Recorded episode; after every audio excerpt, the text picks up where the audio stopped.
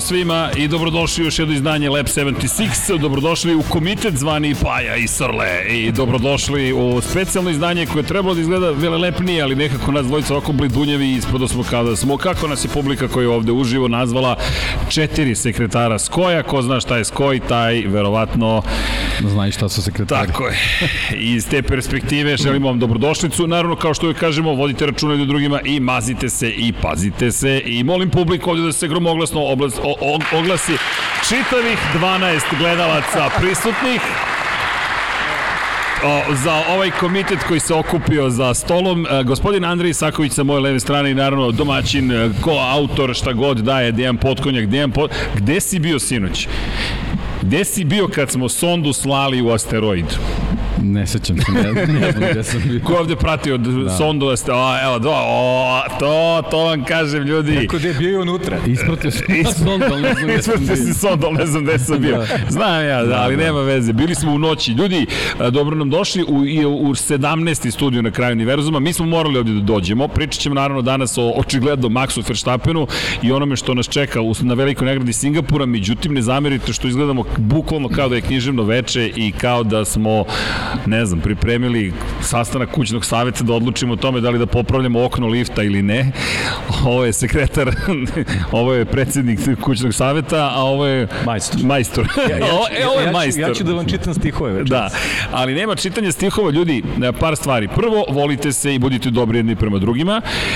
Ovde piše sve, UNICEF za svako dete i ja vas pozivam da postanete prijatelji kluba UNICEF-a. Tu je narukvica i 9656 je telefon koji možete da pošaljete uvek poruku 200 ili 500, 200 dinara, to je 500 dinara svakoga meseca ćete davati za UNICEF, ali kao što uvek kažemo, kome god da pomognete, bit će super. No, čisto podsjetnik da nažalost nemaju svu deca, sva deca nemaju isto detinjstvo kao što smo mi, na primjer, imali, nama je bilo lepo i zabavno, ali nekima treba malo više podrške i pomoći, pa eto, mi to pokušavamo nekako da izvedemo i nadamo se da ćemo uspeti u tome. U svakom slučaju, sa UNICEF-om smo počeli saradnju ovoga meseca, nadamo se da ćemo još dugo sarađivati, ne samo sa njima, već sa svakom, da kažem, humanitarnom organizacijom, a ja bih hteo da u kadru, može vanja kadar ako, ako, ako streamujemo kako treba, pošto je ovde internet počeo da posustaje. Gospodin Andrej Isaković, veliki humanitarac, zašto?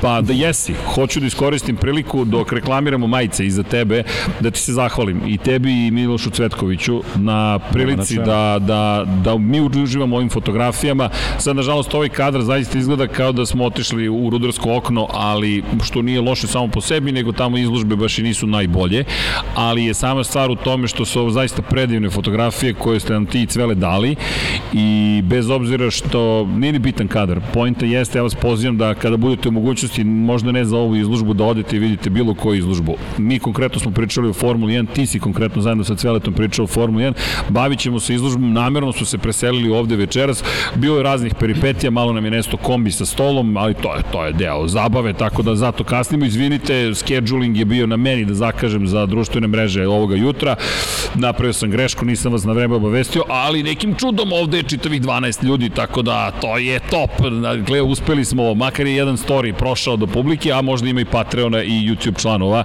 koji su nam, jel te, tu sa nama. I baš bizarno izgleda, obično smo u polumraku mraku u studiju na kraju univerzuma, ali izloženi ne baš elementima, ja bih da ti se zahvalim, zato što je ovo humanitarna izložba. Ljudi, prodali smo 13 fotografija, što je dosta imp, impresivno. Aplauz za one koji su kupili. I Prijetno smo zaista iznenađeni, neću reći zbunjeni, 176 eura plus PDV cena ili ti negde oko 24.992, 24.992 dinara. Koleginica iz prodaje, inače ono vam je koleginica iz prodaje, ako već niste shvatili, malo pre prodala knjigu, ulazi gospodin i kupuje knjigu, e, ne voli aplauze, stoga ćemo joj dati jedan ogroman aplauz. E, baš, baš uživit ću se ovaj komitet. Znate šta mi treba? Pečat mi jedan treba da udarimo pečat, a gde je pečat na to što smo uradili? U svakom slučaju, činjenica je da je prodato 13 fotografija, što je, ne kažem, impresivno. Danas je čovjek iz Australije ovde prolazio i veliki ljubitelj Formule 1, klinci mu treniraju u Zvezdi i pokušavaju da se probiju na evropsko tržište. Malo podsjetnih, neko od vas je komentarisao koliko Danielu Ricardo, na primjer, bilo teško da uspe, jer je preko pola sveta mora da dođe. Kupili su dve fotografije i hvala im na tome. Pitao sam ih, mogu smem da pričam vašu priču, rekao su samo priče. Tako da Cveletove i tvoje, jedna tvoja fotografija, jedna Cveletova odlaze u Australiju. Divna stvar, sertifikate imaju i ja se nadam eto da će nam, običali su da će nam postati fotku kada okače na zid fotografije, tako da smo napravili međunarodnu konekciju ljudi, što je još impresivniji, meni je to neverovatno, a možda se samo ja tako radujem e, svakoj stvari koja se desi. Andrej, reci nešto, molim te. Ništa, dobro večer svima. Eto. ne, ne, čao svima. Ćao svima. Ove, ništa, prvo, to sam propustio onda kad je bilo otvaranje izložbe, bilo malo, ovaj, atmosfera bila, ja sam bio malo smušan i tako dalje, u stvari hoću da se zahvalim vama, se zahvalim Infinityu na, na, na, na celoj ovoj akciji, se zahvalim Dekiju koji je ovo prepoznao još davnih dana. Urednik. Da, naš urednik, ovaj, koji je davnih dana prepoznao ovu izložbu. On je video izložbu kad smo mu cele ja pokazali fotografije I eto, trebalo je koliko, jedno, dve, tri godine da se to desi. Trebalo je to ranije i tako dalje, da ne ulazim u to, ali na kraju je važno da se desilo. Tako da... Čekali je, smo Infinity. I čekali smo Infinity. Čekali da. smo Infinity, da, da. da. Čekali smo da se desi Infinity, pretpostavljam. Nisam pa, da. opet negde kasnije. Ne, da. ne, ne. ne, okay. Čekali smo 76. krug. Tako to da, ti to, kažem. To, je to. to. A pazite, e, situacija je tako da mi Andreja, zapravo ja nisam znao Andreja, pa znam, pa je da li si ti poznao Andreja pre dve godine, samo po čuvenju, ali ne i bukvalno. I, po čuvenju. Po čuvenju, bukvalno. I stiže nam poklon u studio 70, poster za 76. izdanje Velike nagrade Monaka i stoji bukvalno kod nas tamo uravljen i zastakljen. Inače, ko? Dama i još e, dva momka su otkrili zapravo nešto što mi nismo videli. Na fotografiji otkrićemo Brendona Hartleya. Inače, tamo se nalazi i, i Sebastian Vettel na toj fotografiji, ali urednik rekao dajte da potpišemo još nekoga, pošto Hartley tamo stoji, pa onda otkud Hartley, Toro Rosso, eto odgovora. Ali stoji i dama sa kačketom na kojoj stoji 76, to je 76. izdanje. Tako da nesvesno negde 76. je morala da se desi. I znaš što vam sve ovo pričamo? Pa zato što smo mega uzbuđeni. Inače, da ne kažem s kim se dopisujemo, nešto radimo opet međunarodno i pitaju nas ko ste vi? Ja kažem, čekaj, sad ćete da vidite. Mi radimo izložbe i pošaljem izveštaj sa RTS-a, kako je izašla izložba, kaže, šta vam je nacionalna televizija izveštava i događanja na šalnu stranu. Hvala i RTS-u i svim ostalima, mi nemamo problem s time, ja sam, pitali su me gde će se oglašavati gde god stignemo, zašto? Zato što moramo da pričamo o Formula 1, moramo da pričamo o kulturi, moramo pričamo o lepim stvarima i mislim da je ono što je pojenta bila, a onda smo još uspeli da kažem svi zajedno, mada najveće zasluge zaslužuješ ti, Cvele, Deki za ono što je urađeno i ostatak ekipe iza, pa, vi, iza kulisa. Vi ste to iznali, znači bez vas to ne Dobro, znači, to, to, je, to je nama to zabava, da. da ne kažem da, da je u svemu što se dešavalo zaista bilo zadovoljstvo, ali ono što jeste point, jeste što i prodate fotografije, tako da je to fenomenalno. Deca, inače, novac ide za Nurdor, da znate, dosta je bilo pitanja i nismo, kada smo ih kontaktirali, nismo tražili njihov žig ili logotip, nego smo samo hteli da im kažemo gde da uplatimo pare, ali pošto, jel te, svašta se dešava sa humanitarnim akcijama, onda su ljudi naravno imaju neke određene formule, ne formulare, samo procedure, ali su nam rekli na kraju sve ok, možete da spomenete, nećemo stavljati svakako nigde njihov znak, ali da znate da ćemo podržati jedno, jedno divno udruženje koje se, jel te, bori protiv raka kod dece i mi im držimo palče da će uspeti da dovedu do toga da je to zaista nešto što je izlečivo zajedno sa svim naporima koje ljudi po širom planete po, polažu u to i ovo je jedna od tih fotografija. Vanje baš izdvojio upravo tu 76-ica se tamo nazire na kačketu. Nije baš oblik Infinity ali staza Monako nas podsjeće malo na, na osmicu pa kao Infinity u celoj priči. I eto to je, to je nešto. Inače ko ne zna u galeriji smo, to se sad zove galerija. Ja stalno me kritikuju iz galerije. Nije TC galerija nego je galerija. Ovo je samo galerija da znate. Nemam predstav kako da vam kažem da smo u galeriji. Štab koji je u okviru galerije ali sam zahvan i Marku Brunu i ekipi iz galerije što su nam bukvalno rekli ok, to humanitarna izložba, to vi radite, ustupamo vam prostor, hvala, dakle, hvala za sve to što su učinili, a mi ćemo danas pričati o velikoj nagradi Singapura takođe, nećemo voziti deki, jesi razočaran? Apsolutno. Apsolutno, nije nam stiglo ono što je trebalo, pa ja ovde čeka već 3 sata, uporno, strpljivo. Čekam da vas dvojica vozite. Ali ne brinite, Došli pričat ćemo... da je za vođenu turu izložbe. Uh, da, ma dobro, da, dobro. Da, da, da se vratimo onome što je fokus, a to jeste zapravo i priča o velikoj nagradi Singapura Singapur i naravno izložbi. Zašto smo ovde sa Andrejem? Andrej, pričat ćemo o tome zapravo šta si sve fotografisao. Da ispričamo priču o Cveletu. Samo bih volio da iskombinujem sve stvari s obzirom na činjenicu da zaista smo pred istorijom i možda bih napravio bih tako uvod, makar sam ga tako isplanirao. Ajmo ovako, ko je uopšte Miloš Cvetković? Ne brinite, budite malo strpljivi, bili ste strpljivi, pogotovo svi koji su došli u 7 jer počinje u 8 jer smo mi rekli da je u 7. Ali dobro, Bakar je kombi dostigao. Hvala Srkiju, poseban aplauz za Srkija! Veliki Srki spašava stvar. Tu nam je Vanja koji je uh, preživeo agoniju pošto je kombi sa, sa stolom uh, nestao, da ne kažem da prevoznik je nestao, ali sve je u redu. Dakle, iza nas je istorija. Mi, ko je Miloš Cvetković? Ajmo da objasnimo ko je Cvele uopšte. Miloš Cvetković je uh, fotograf iz Užica, koliko ima sad 70 plus godina, koji je ovo 80, znači 80. god, 70, krajem 70. i 80. godina slikao ove fotografije Formule 1. To nije jedino što je on radio, nije ni jedino što je radio što se tiče automoto sporta, on je radio za, dek ćemo ispraviti, za slovenački tada.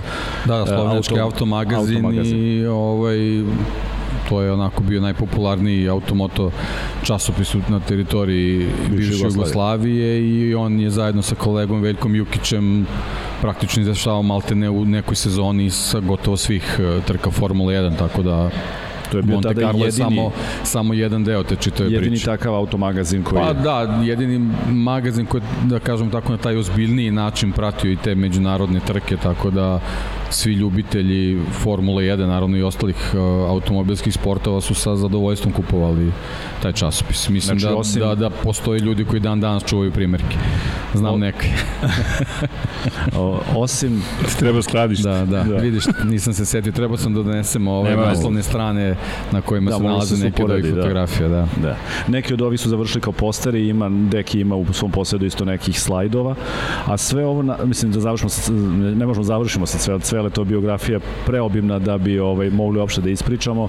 On je ovo jako voleo da slika i taj auto, motosport i, i sport generalno i na, na, oni dan danas mislim do skoro je u stvari slikao sport u svom najbližem okruženju, znači futbolske utakmice iz okoline Užica i tako dalje. On je pokazivao uh, mlađim kolegama, fotografima koji su koji žele se bave sportskom fotografijom, da dobru sportsku fotografiju ne treba da odeš na San Siro ili da San Siro ili na neki drugi veliki futbolski stadion, možeš da napraviš i u Čačku, Ivanjici, bilo gde i zaista je to pokazivao i dobio je nagrade, pričamo o skorašnjem vremenu.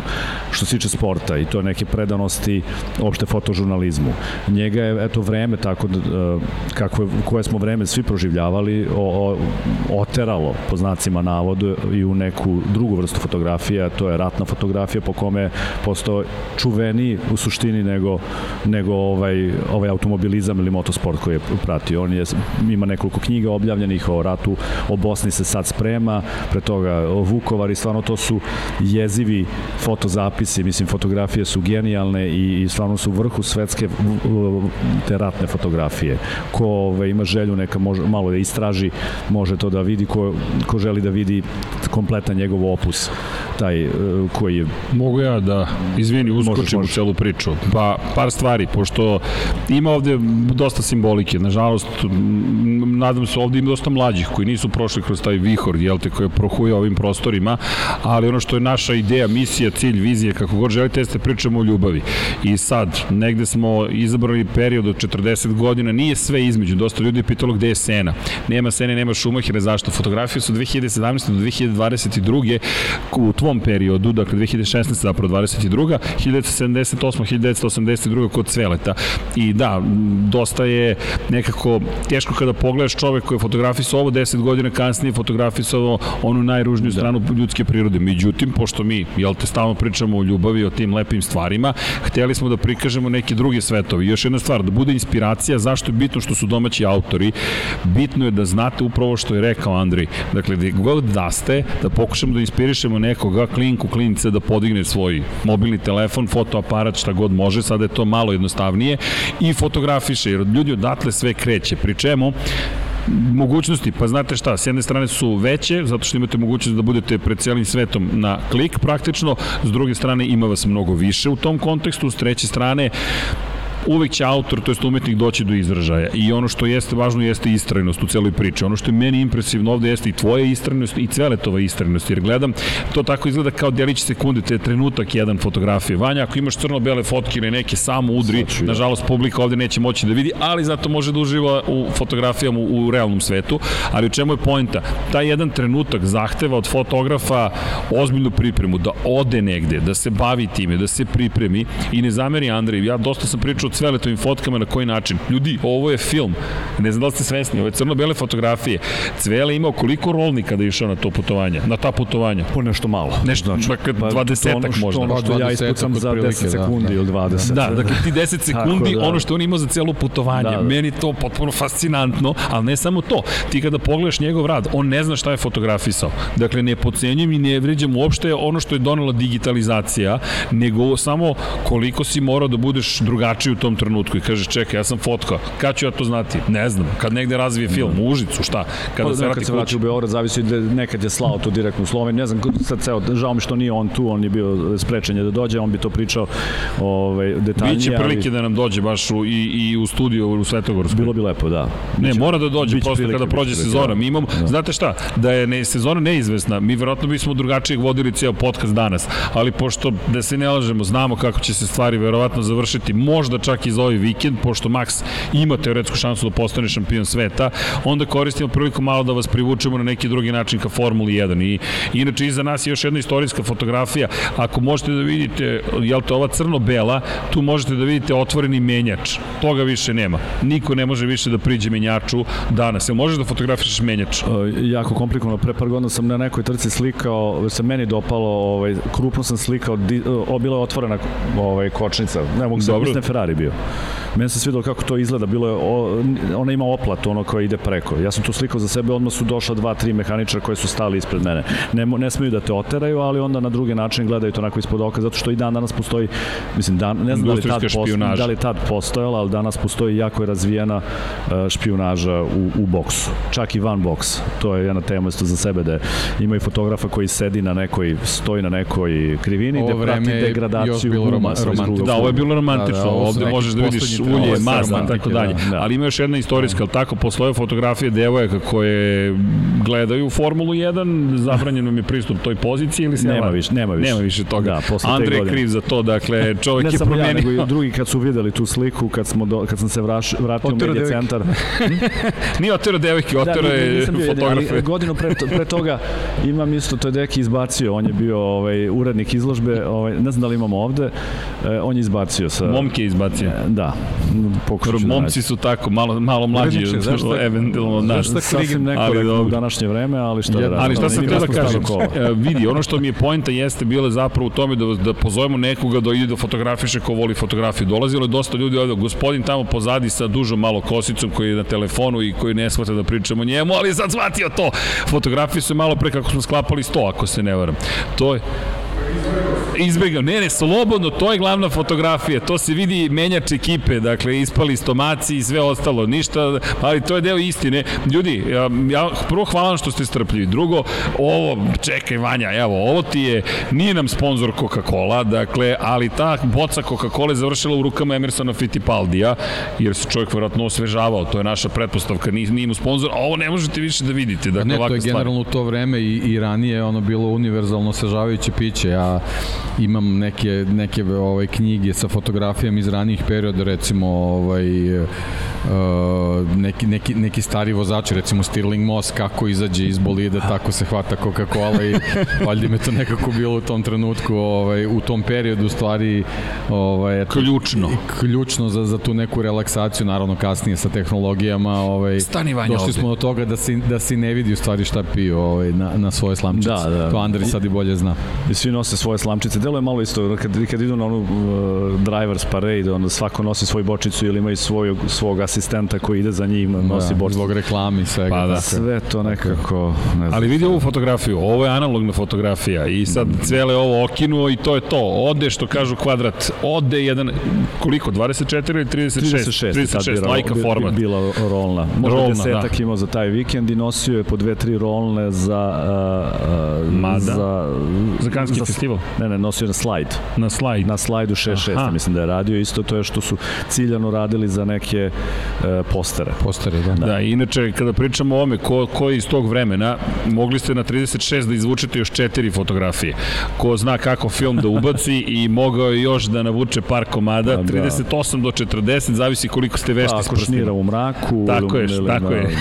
Idete u mrkli mrak. Da, Mada, pa, dobro, ovde ste mogli sa crvenom bojom, da, da za one koji znaju, dakle, crvena boja nije mogla da osveti crno-beli film, ali to je neko crveno drugo svetlo. Crveno svetlo, da, ne crvena boja, hvala Andrej.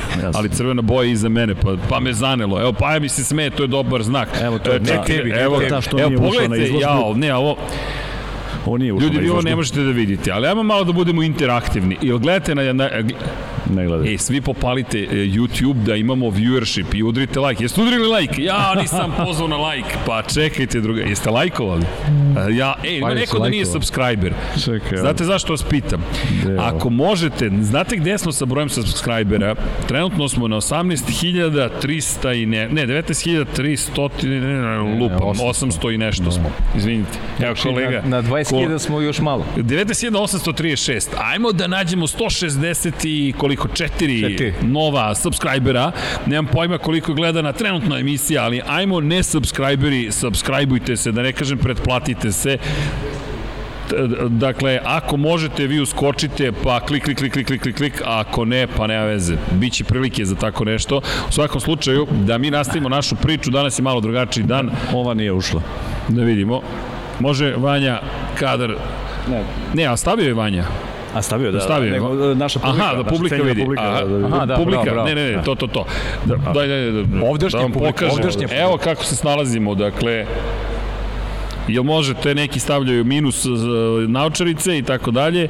Dakle, ova gospoda su ispale iz, iz, ispale iz... Možete uredniče da nam objasnite zašto konkretno ova tri gospodina nisu završila u okviru Prilično su nezainteresovani. ne, ne, okej, okay, čisto da znamo. To je bilo godinu dana pre. Dosta to je godinu dana pre. Ovde samo fali na slikama. Da Deki, ja podržavam, ja bih izbacio isto, da znaš. Samo je le, lepša je formula ovo. Sve znam. Lepša pozicija. Stiglo je, e, povećava se broj gledalaca, možda, možda da kažemo deli se nešto besplatno, možda pop popunimo i ovih par stolica, što da ne. Ali, e, ljudi, vam makar zabavno ako ništa drugo, ili vas lepo zabavljaju. To, evo, to, dobili smo i, ovde like. E, inače, imate, ajde da pozdravim, eto, da iskoristim priliku, Heineken 00 ima u frižideru tamo ko želi, pošto, jelte, to je globalni sponsor, pa 00 nema alkohola ovde, nemojte da pijete alkohol i da vozite, ali, eto, ako želite, imate tamo frižiderčić. Dakle, sve smo spremili, ko se danas obreo ovde kod nas, ima sve. O, ovde imamo ja, ovde je usluga full, samo se digne, samo se digne ručica. Ej, ali ja namerno hoću da iskoristim priliku. Znate šta, sve fotografije koje nisu prodate, mi ćemo ih staviti na sajt, imaćete mogućnost da ih kupite, imaćete mogućnost da ih vidite, neće biti u visokoj rezoluciji, dakle biće u niskoj rezoluciji da neko ne bi došao na ideju koja mi nije da. pala na pamet, priznajem, ali Andrej rekao, hm, hm, be careful. Ima ljudi dolazi im ta da, ideja na pamet. visoke rezolucije fotografije neće biti, tako da, da znate da ćemo ih staviti i ko želi može da kupi i dalje novac ide za Nurdor, tako jednog dana nadam se ćemo prodati. Dok ne prodamo, izložba putuje sa nama i bit će na sajmu knjiga od 23. do 30. oktobra na sajmu knjiga knjiga. Samo, ube... samo Andri da objasni... Čuješ ovo? Uh, da, što mi, što mi, što mi pozna zvuk. Što mi... Zaista neko, zaista neko pije. Ovako ja u kabini. uh, e, da, Andri, samo da objasni unikatnu vrednost fotografije, o čemu da. se u stvari tu radi. Zašto su, zašto su ove fotografije unikati? Ove, Aha, ove dobro, da, da, da. Misliš taj tehnički deo, da. Tako je. Tako unikati su osim što su, ove, eto, umetničko delo svakog autora, ali sami ti nisu unikati, pošto već rabljene su neke prilično. Ne, ove, ove konkretno što vidite ovde na zidu uh, su štampene u jedan, jednom primerku na ovom formatu i na ovom papiru i ovako opremljene. Dobiće, onaj svako ko bude fotografiju odlučio da kupi, dobiće sertifikat na kome će to sve jasno pisati, mi ćemo to i slikati, dokumentovati, tako da se neće pojaviti ni jedna uh, kopija više. Možda će biti drugih formata i tako dalje, ali ovaj format ostaje samo za ovu namenu. I da. to je, tu sam ja dobio, ja, pošto ja radim za France Press, sam dobio odobrenje za to, oni su se saglasili, može jedan primerak i nije komercijalna prodaja, nego eto ide u jednu, u jednu mislim, lepu svrhu. Da. I Cvele isto bio oduševljen kad je čuo da, da ovaj, zove me tako, neću kažem svaki dan, ali interesuje se kako nam ide prodaja, da li smo, ovaj, kako napredujemo. Ali to opet zahvaljujući jeli, vama. A, Man, ovaj, šta zahvaljujući nama, stiže zahvaljujući veliki, publici. I, stiže i onako i iz našeg esnafa stižu ovaj, što neki put jeste ti važno i nije ti važno, ali prija u svakom slučaju kad stižu pozitivne kritike zato što redke su takozvano, nisam znao, danas sam ti to isto rekao, postoje tandem izložbe da dva autora istovremeno izlažu, da nema, da, da su, da nema nikakvih ono kao problema između ta dva autora da izlažu svoja umetnička dela ili već. Drago, da nema super. problema, ali nema da. cveleta, dobro. Da, to je, da. da. Biće, biće. biće Šalimo se, naravno, želimo da nam se cele pridruži. On, ali, on s proleća dolazi u Beograd. Tako. Ljudi, ali tandem izložbe zaista jesu redkosti. Ovo je predivno što njih dvojice zapravo šire ljubav, jer to ali je cela centralna ide, poruka. To, to je Dekijeva ideja bila, kad je prvi put video, profesor, znao je za to isti radi, paralele su, mislim, stalno zaboravimo da, da, da naglasimo da se ova izložba zove paralele, a paralele da, pa su dobro, ja sam tu malo bio sebičan, pošto sam povezao neka i dva perioda u mom životu, tako da ovo, eto, Ali iskoristio je, sam tu priliku. Ko je ovde, ko je da. prisutan? Obratite pažnju zapravo na kako su kombinovane fotografije i da li možete da otkrite paralele koje su ovde bile.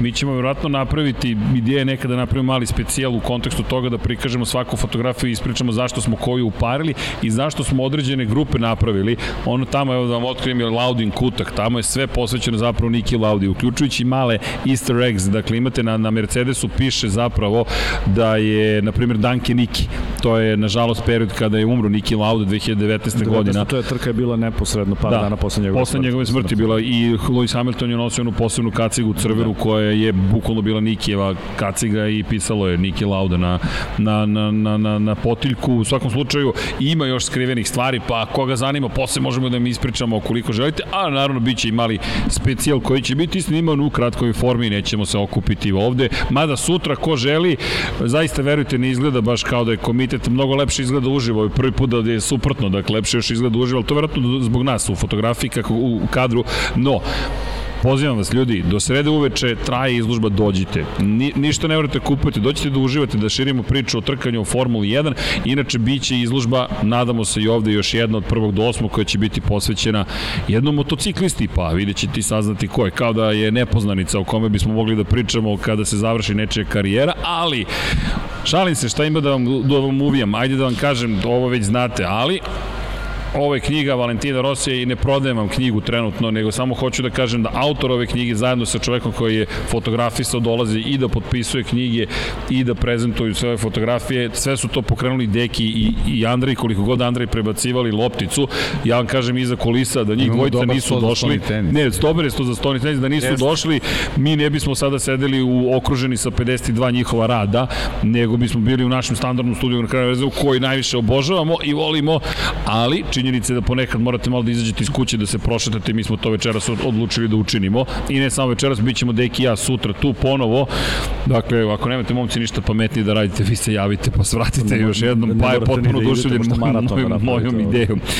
da, maraton, da, nećemo. Da. Inače, obezbeđenje je reklo da je obavešteno, tako da ako zaglavimo posle 10, jer to se inače ne dešava, bez brigi, imamo kako da izađemo i sve je okej, okay, znaju da smo ovde. No, Noć u tržnom centru. Noć u tržnom centru. Ej, znaš da sam smislio, imam, imam, ta, pa to te ko scenariju, daš, nismo u muzeju, ali pošto izložba možeš da posmatraš i kao muzej. Šta sve oživi? Samo šta ovde oživljava. Šta oživi, to sam se baš pitao, šta će da oživi? izložbu, bila je pre, nije premijera, nego bio Avatar prvi deo, onda su klinci zalutali, bili su smaskirani. Čekaj, ajde, ja moram da, te, ajde da te, da te pitam nešto. Dakle, ljudi, znate da je Avatar u bioskopima? A, da li ste svesni da je to Avatar 1? Da, dakle, kao relaunch je plasiran da, za, kao najava za Avatar 2, tako da kogod je otišao u bioskop da gleda novi Znao Avatar, čoveka, saznao da, je da je gledao stari Avatar. Ali trenutno je to, da, potpuno neverovatno, ali šta vam je marketing, ljudi su pohrlili u bioskope i sada je to jedan od najprodavanijih filmova prethodnog vikenda bio, jer su ljudi mislili da je to dvojka. Moša nije dvojka, nego je samo rečeno da je Avatar 3D i svakat je u tri dimenzije. Ali dobro, ne vidiš šta ti je marketing. U svakom slučaju, ljudi, iskoristit iskoristit ćemo te mi još, iskoristit ćemo i prvi što si ovde, ali moramo malo da pričamo o Singapuru, da ne kažem malo više, da pričamo o šest sprint trka koje su stigle, jel te, za sledeću godinu i da najavimo ono što se čeka već tri nedelje. Ljudi, i tri godine se čeka, tri godine, o, to, to, je, to je limenka još jedna koja je otvorena ovde, dobro, kad... kad nazdravlje. Nazdravlje, da. živeli, živeli.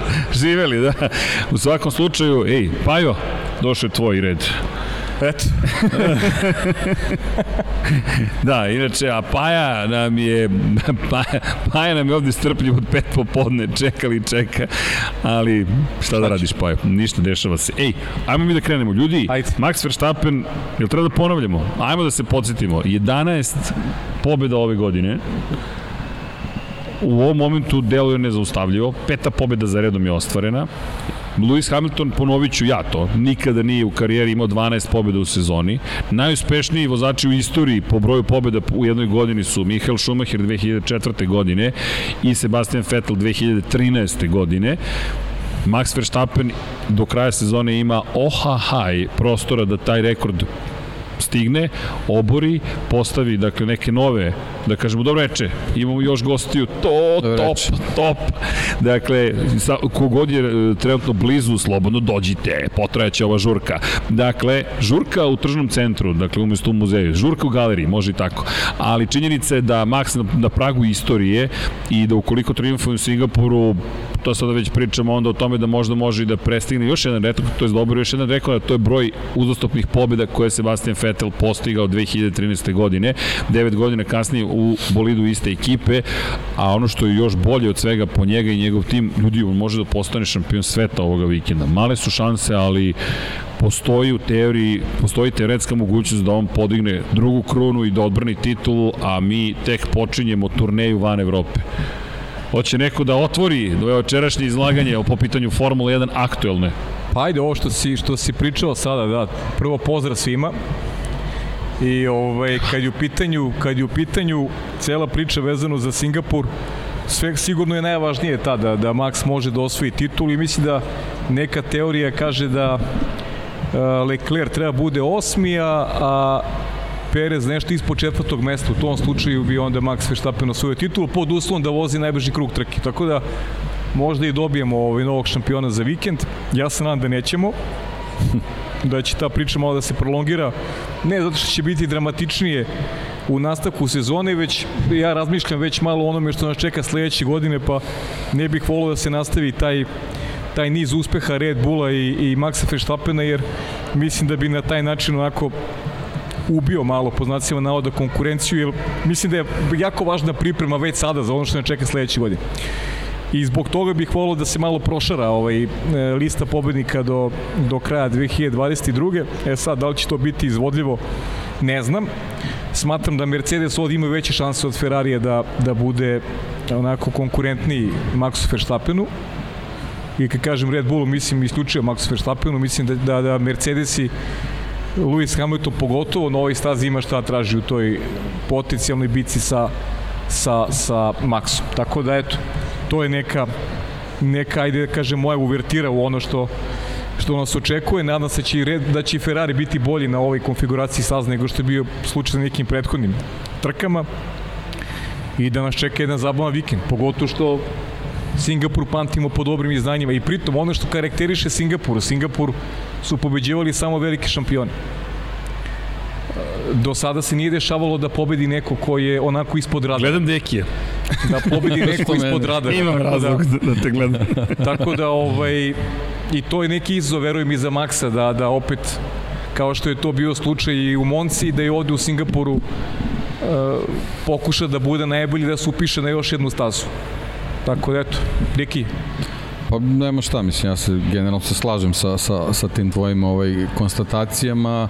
E, naravno, Max Verstappen ima više tih nekih motiva ovaj, zašto treba u ovom pobedničkom ritmu da, da nastavi sezonu. Uh, jedna od stvari naravno može da bude to, ta, to, taj, ta trka za tim uzastopnim ili najvećem broju pobjeda u, u ovaj sezoni, ali mislim da to, to njemu nije primarno, mislim da se on samo fokusira na jedan cilj ove sezone, a to je da, da osvoji titulu na taj ovaj, upečatljiv način i da na neki način malo ovaj, izbriše tu neku senku koja ga prati iz 2021. tako da mislim da je to u stvari primaran motiv i da ga, da ga pre svega zanima da, da što, što ubedljivije stigne, stigne do, do svoje druge krune, u stvari druge uzastopne titule, što isto nije, nije ovaj malo dostignuće ovaj i Mercedes i Ferrari su ovaj u nekoj konkurenciji, da kažemo, za, za, za visok plasman u, u Singapuru, Ferrari zbog, zbog neke svoje forme tokom, tokom čitave sezone, a Mercedes zbog te neke uzlazne putanje koju, koju imaju u poslednje vreme, s tim što bi ja u tu priču ipak ubacio i Serhije Pereza koji je ovaj, zna u Singapuru da, da, da ima dobre izdanja i da, da, da bude ovaj u dobrom tempu jedno što ima možda neke timske kolege koji baš nisu nisu želele ovaj da da Na koga ovaj, da, da ga da ga podrže, kolege? podrže u, u, u njegovom u njegovom naporu tako da eto mislim da, da i na njega treba računati tako da će u principu ta ta čitava priča onako priliko prilično da se da se zakomplikuje ovaj zbog čega eto generalno jedva čekam Singapur ne samo zbog toga, nego eto, stvarno dugo nismo bili na toj stazi. Ja se sećam ovaj, kad, je, kad, je, kad je najavljeno da će Singapur ovaj, doći u Formulu 1 i da će biti ta prva noćna trka, onako prilično je ovako sa, sa, sa nekom pozitivnom energijom to sve prihvaćeno, a, a sad se nekako prisećam kako u, u poslednje vreme kad dobijem informaciju o novim stazama, to onako prođe kao pa dobro, ok, još jedna staza, nema veze, vidjet ćemo kad, kad, kad krene kako će to sve da bude, sećam se stvarno Singapur je onako baš sa, sa, sa nestrpljenjem iščekivan i onako uvek je, uvek je pružate neke, neke zanimljivosti. Pa vidi, ima tu par, par stvari koje cenim da su veoma važne, ajmo da se setimo Hajmo ovako, 2008. Singapur došao na kalendar zvanično. Održavale su se trke u Singapuru i ranije, ali nisu bili deo zvaničnog šampionata. I 2008. čuvena kontroverzna, da najkontroverznih trka u istoriji Formule 1. Zato gledam ka kolega, A, ka kolegi Potkonjaku, svi znamo. Jel znate šta svi se desilo u Singapuru 2008. Ajmo ljudi, ko da ste ovde. Neki se smeju tamo u pozadini. Dakle, 2008. godine je Flavio Briatore, tada šef Renaulta. Tek je omiljeni lik. omiljeni, bukvalno, ali Singapur ne može da pobegne od toga. Nažalost, a pogotovo posle tri godine, je organizovao da se drugi vozač ekipe Renaulta, Nelson Piquet mlađi, što mislim da Dekija posebno pogađa, dakle, što je dirnu u porodicu, jer to je jedan od Dekijevih omiljenih vozača, dakle, je Ne mlađi, nego senior. Da, da, da okej. Okay. Senior je on. Inače, ti prodata fotografija? Jeste, Deki ja smo da, imali da, plan da, da kupimo, da Jurije Pike, da. ja sam Jurio Mensela. Mensel je u John Player Special izdanju, crno-bela fotografija, briljantna je i naravno da su prodate o, te, te dve fotografije, jer tako je moralo biti, ali nema veze, kogod da ih je uzeo ljudi, žao, super. Naprotiv. Kupit ćemo mi neke druge, ali činjenica je da je Nelson Piquet mlađi čak i vežbao da udari u zid. To je ono što je frapantno koliko je to bilo na neki način vidljivo i ne možeš da veruješ, ali to se dešava. I tačno u pravom trenutku u trci, u momentu kada Fernando Alonso ima mogućnost jel te, da stane, zameni gume, dolije gorivo, oni povlače taj potez, Pat Simons i Flavio Briatore su posle toga bukvalno sklonjeni iz formule doživotno, pa su se samim tim vratili nekoliko godina kasnije, jer šta, šta je doživotna kazna, to ćemo lako da promenimo, ali činjenica je tako otvorena trka u Singapuru. Međutim, nije samo to. Velika greška, pogodite koje ekipe, ko se seća velike greške ekipe prilikom zamene guma i dolivanja goriva? imate jednom pravo da pogađate.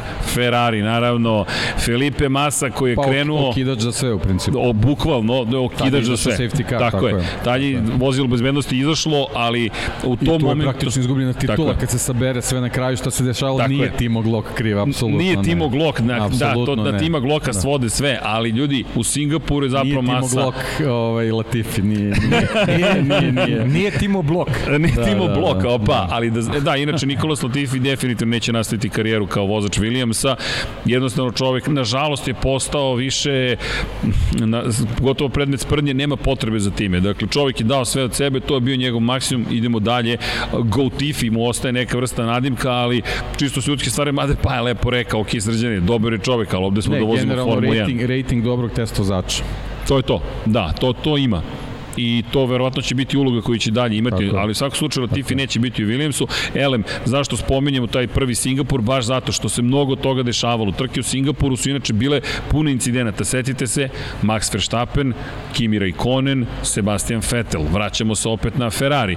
Moment kada Mercedes pokazuje jednu od redkih slabosti u, u, u eri hibridnoj, startuje se dakle sa vodećih pozicija i dolazi do kontakta koji eliminiše svu vodeću trojicu. Izbacio čak i Fernando Alonso u McLarenu koji je najzad imao dobar start i Lewis Hamilton, kako to ide u šampionskim godinama, kaže ok, hvala lepo, ja ću rado da iskoristim ovu priliku. Ali nije samo to ono što smo videli. Namerno nas podsjećam na to što smo videli u Singapuru, jer tri godine nismo tamo bili. Jedan od najboljih kvalifikacijnih krugova, takođe Luisa Hamiltona smo videli u Singapuru. I pa se sećaš 2013. ja mislim, Sebastian Vettel dve sekunde u prvom krugu posle vozila bezbednosti. Ljudi, zastrašujuć krug. Kogod pomisli da Sebastian Vettel je to sve uradio zato što je neko drugi odgovoran za to, samo pogledajte taj prvi krug na hladnim gumama, čovek je nestao, bukvalno je ispario, nas dvojice se gledamo i kao, ok, znamo šta će sad dalje pa, da se desi. Zašto je Singapur specifičan? Ali imamo samo trojicu pobednika za svoje godine. Pa, zanimljivo. Trojicu pobednika, Hamilton, Vettel i, i Fernando Alonso. Ima još jedan, je tako? Ima još jedan. Jednog sam zaboravio. Znaš koga? koga sam... Uvek ga zaboravimo. A dugujemo mu najveće izvinjenje u istoriji izvinjenja. A, da, znam, da. Čim si rekao, sad setio ko je. Niko Rosberg, za one koji ne znaju. Eto. Da Njega uvek zaboravim. Pa niko. Niko, da, niko, pa niko. Da, neverovatno, da, i ona scena kada on ulazi da uđe u Formulu 1 i kažemo ko ste vi, ne znam da ste to videli, to je od ove godine, a ko ste vi? E, šampion Formule 1. Ali to govori, lepo si rekao, Andrej. Ej, ti si imao priliku da ga upoznaš ili ne? Nisam. Nisi? Tam, ne, lično ne, ali ovako mislim, bio u on, onu sezonu, tad sam mislim počeo 2016. 16. tako, 2015. 16. Da. Da, mislim, ne Samo u prolazu. Da. Ima tu Nika Rosberga, ima jedna, jeste primetili, ima tu fotografija Nika Rosberga.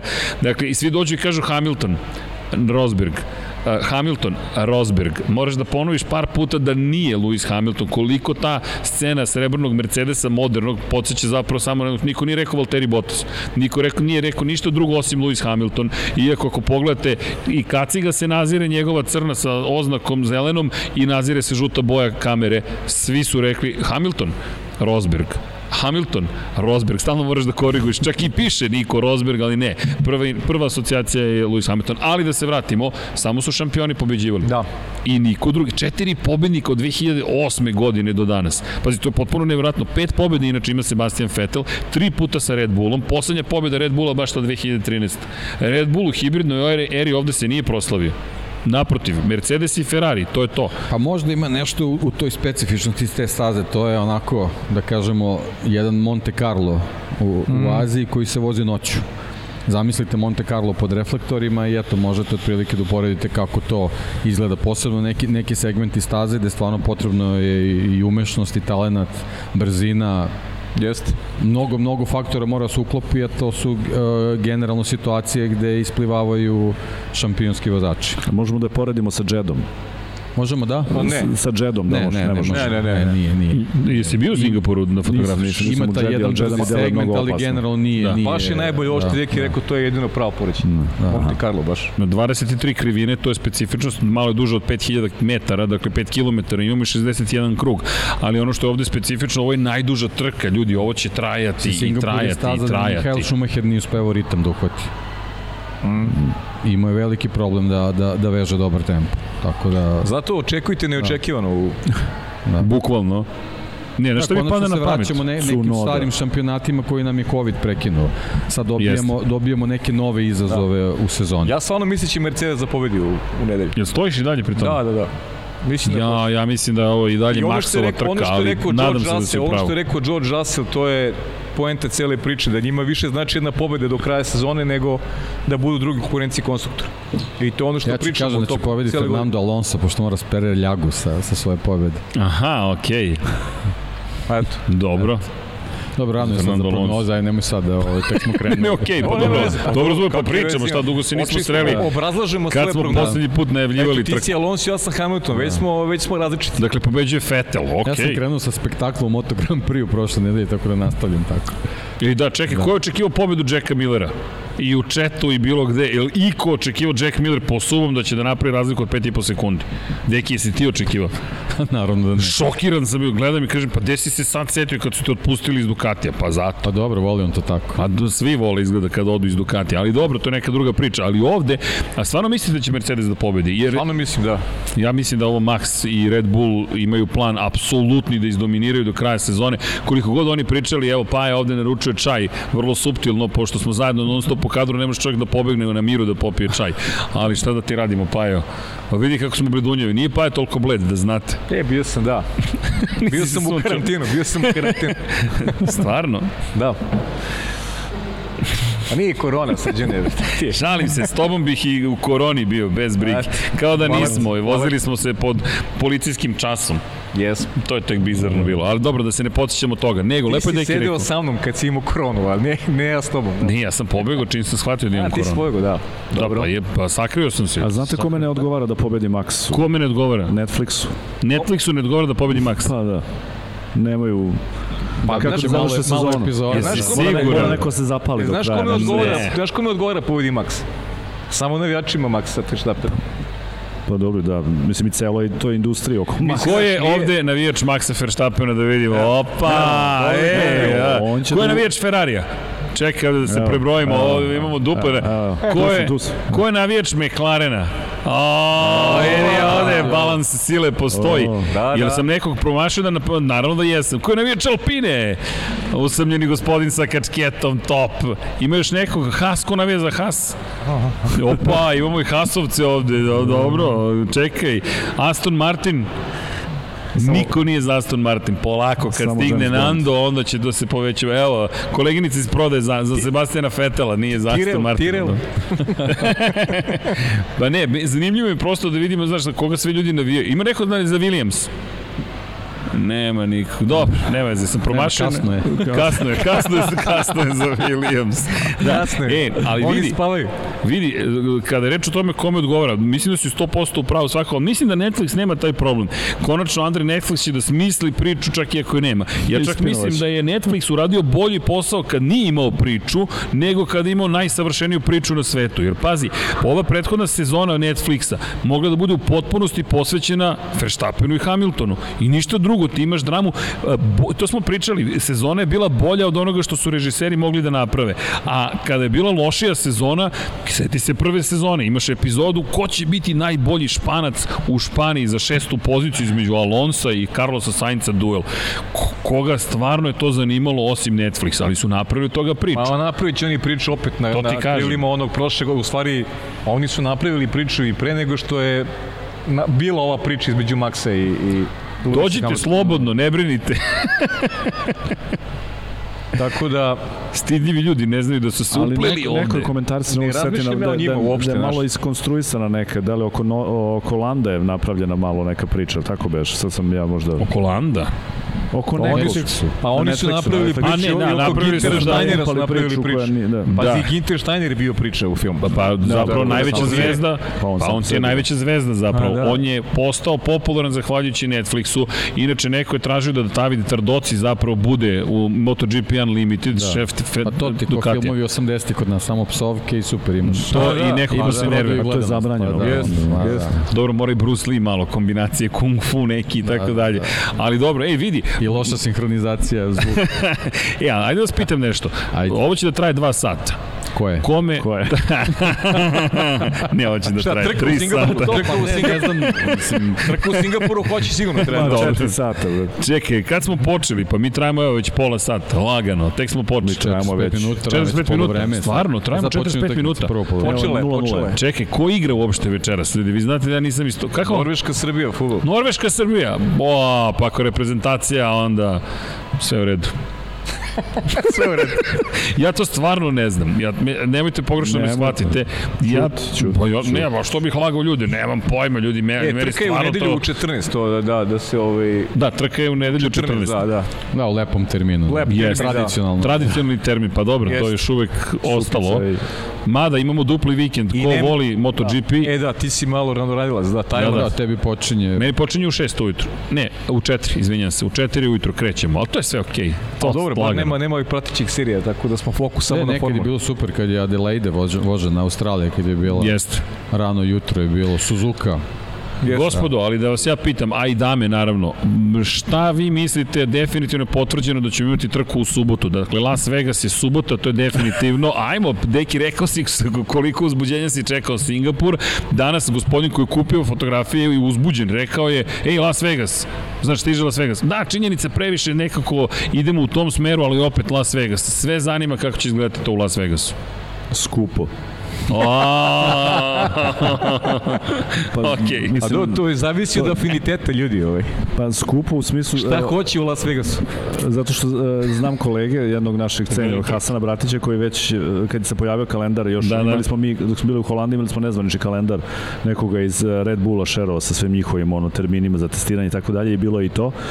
I počeli su odmah da, da jure smešte kao što je Miami bio maltene ne, ono, nedostižan, neću ne, da kažem. Ne, cene karata su znači, sada i ulaznice i hotela znači, i, i smešta generalno Zato kažem da će biti skupo, a sa zašto je subota, pojma nema. Zato što ne može da se gleda u Evropi u suprotnom. Ako je noćna trka u Las Vegasu, Aha. vreme emitovanja ti je zapravo ponedeljak ujutro za sve ljude u Evropi.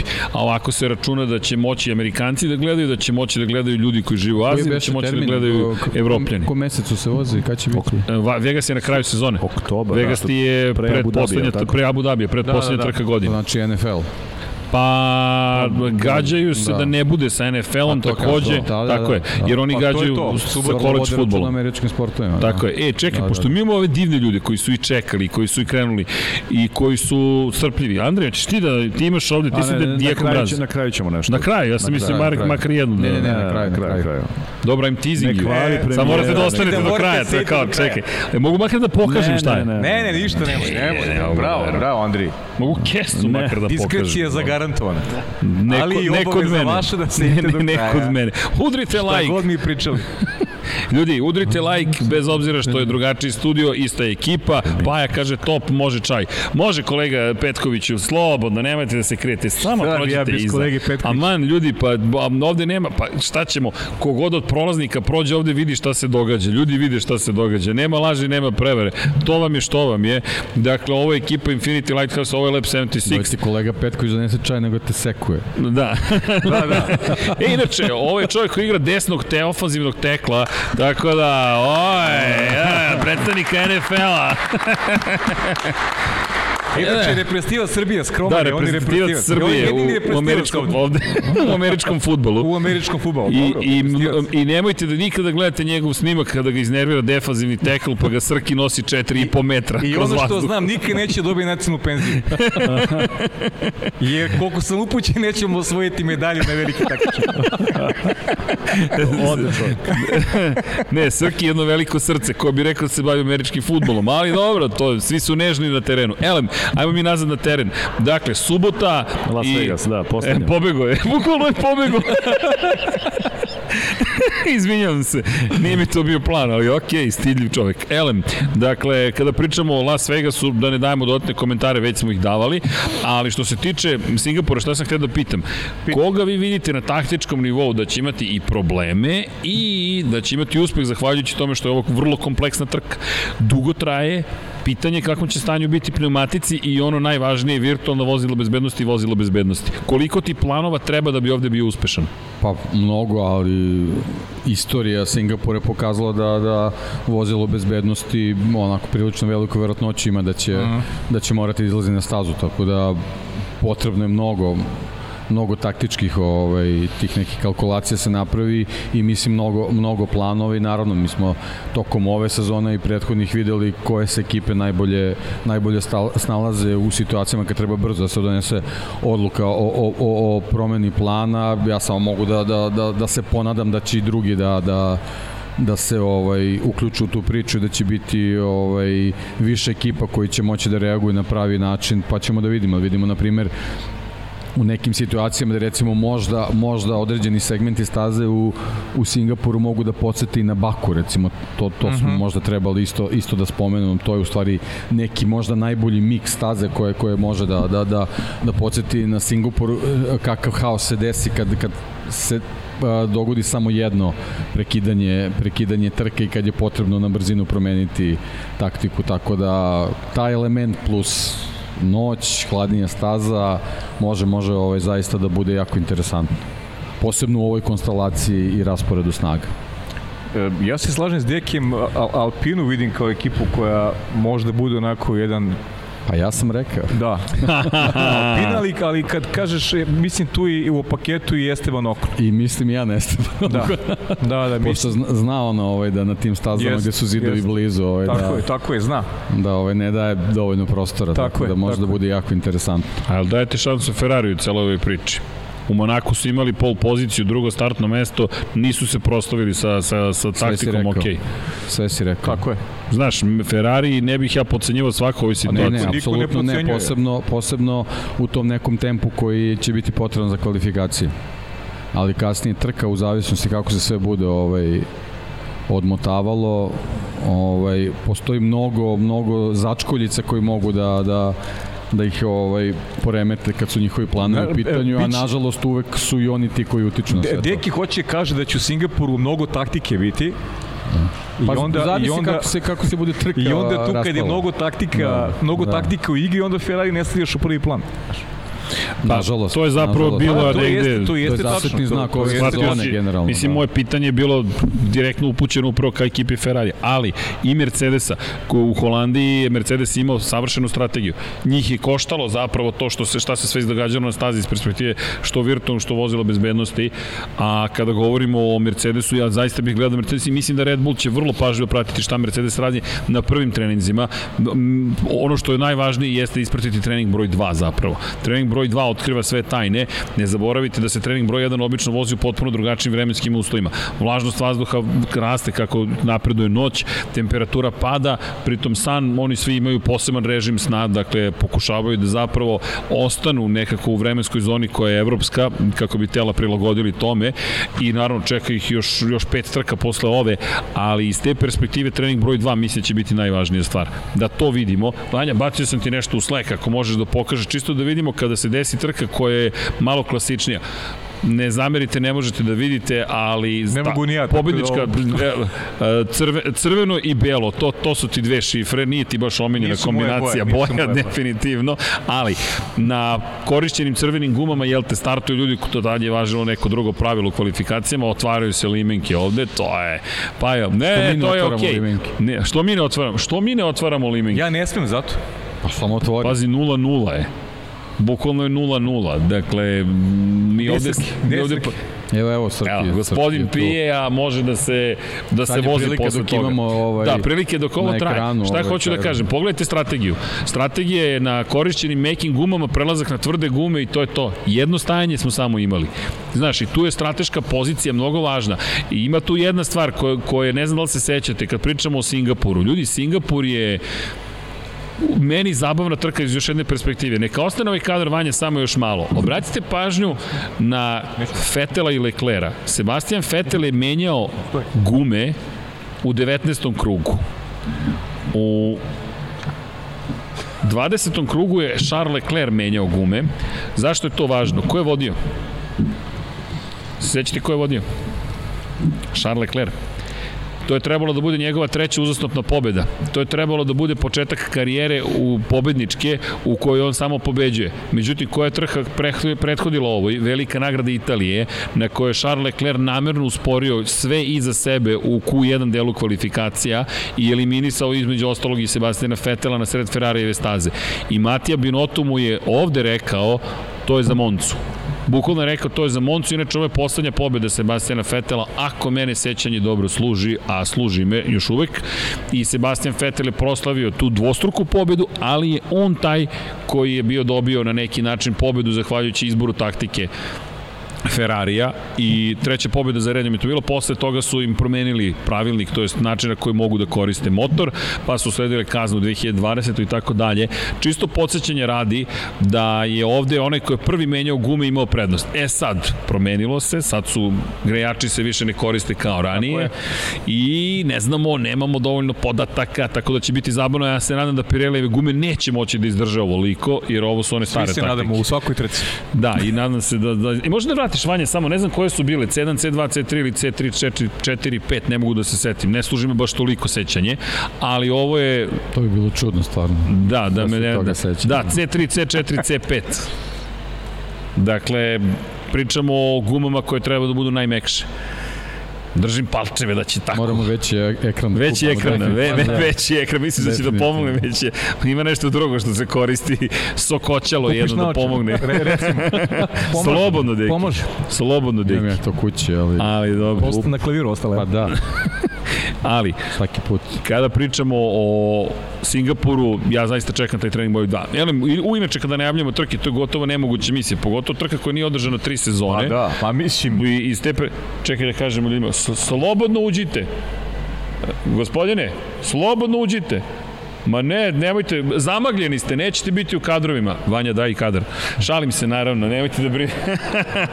Bez brige, šalimo se, šalimo se, slobodno uživajte u fotografijama. Imamo posetioci izložbe i naravno ćemo da ih ugustimo, nego ja volim da se šalim, tako zato što, nemam pojma, volim da se šalim. Elem, o, dobili smo i Red Bull. E da, ko je bio ovde na Red Bull show ranu? Svi su bili na Red Bull show ranu. I? I? Uf, komentari su...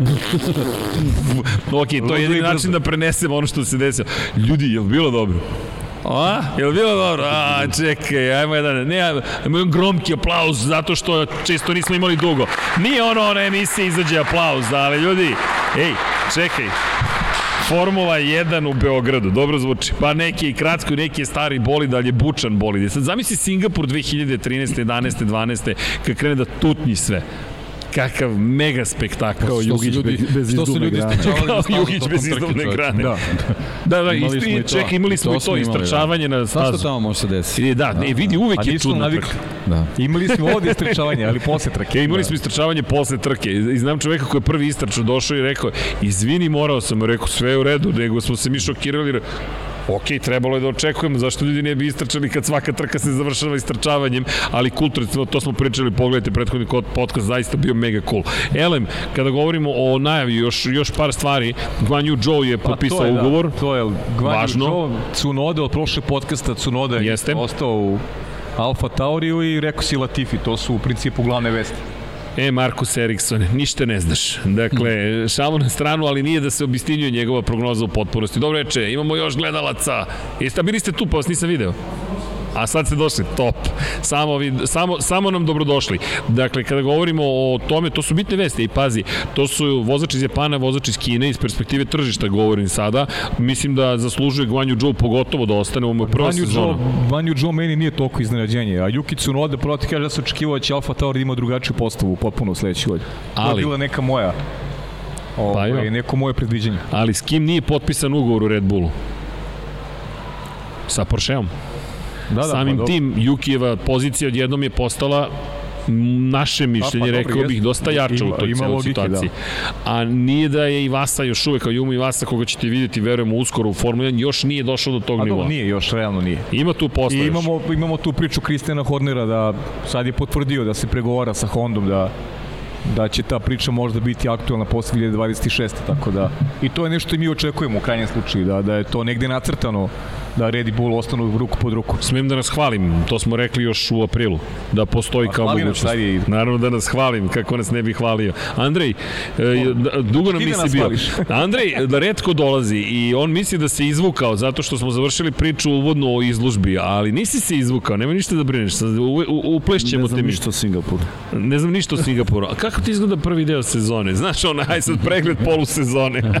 Jer je Andrej tu, jedan od najdužih podcasta. Meni se završio sa, sa Moncom Monzom ove godine. Sa Mon... E, jel ćeš ići još negde? Ne. Ne. Idem na, na futbol. I šta si nam donao iz Monce? Gde je točak na glavi? Kakva je to situacija? ove godine su bili svi, ove su bili ove, mirni, mirni su bili. Mirni su bili, da. Dobro, ali to su lepe. I, I, i bilo dosta. Ali čekaj, da. čekaj, ajde samo kratko to iskoristimo kad si tu. Monca, apropo atmosfere, pošto to dosta e, to je bilo fenomenalno. Znači, Kakva je bila atmosfera? Fenomenalno. Znači, uh, ako je Holandija bila petica, ovo je bilo jaka 4+. Plus. Mislim, Čekaj, bio si u Holandiji bio sam u Holandiji, bio sam i, za redom, za redom vikenda, da. I kakav ti je utisak?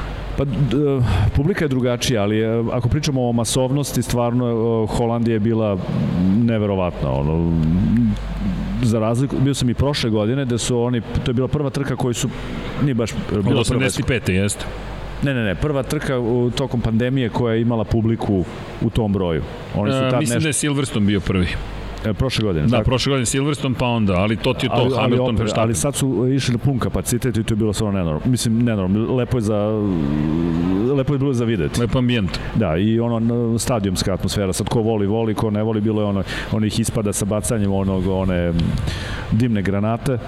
Dobro, Ove, to je jedan ispad, da, mada je bio osmi, ozbiljen, ali da, se nije ponovio. To, to se sad onda u, u, medij, u medijima koji hoće tako tendencijo da se bave jednim ispadom, onda od toga su napravili... Ima da si bilo... dvojicu pijanih italijana koji ispituju ljude zašto navijaju za nekog drugog. Nažalost, da. dešava se, to ne veze sa nacijama, ali ove, to je publika bila fenomenalna, ovaj, mislim, cela ta atmosfera, to je ono što je, mislim, što treba Formuli 1 tako nešto. Ne, u Monaku je druga, druga vrsta, druga publika. Dobro, to je nešto drugačije, Ove, ali mene je zanima... ja, ti... ja volim Moncu, ne samo zbog prošlogodišnje slike, inače Zašto? sam uvek voleo i zbog, i zbog onog filma koji nema baš mnogo veze sa poslednjim, poslednjim krugom u Monci, a ima jedan naš kolega ovaj, s kojim sam volao da idem tamo naš drugar Suki, koga, koga nema više, on je Ali... baš voleo tu trku i voleo tu Italiju i, i, i, i znao i da negoduje zbog neorganizacije Italijana i tako dalje na sobstvene na, na svoj, sebi ovaj svojstven način, ali ove godine zaista bilo ovaj super i to se videlo već koliko nam vremena treba da stignemo do same staze, videlo se već da moraš mnogo ranije jer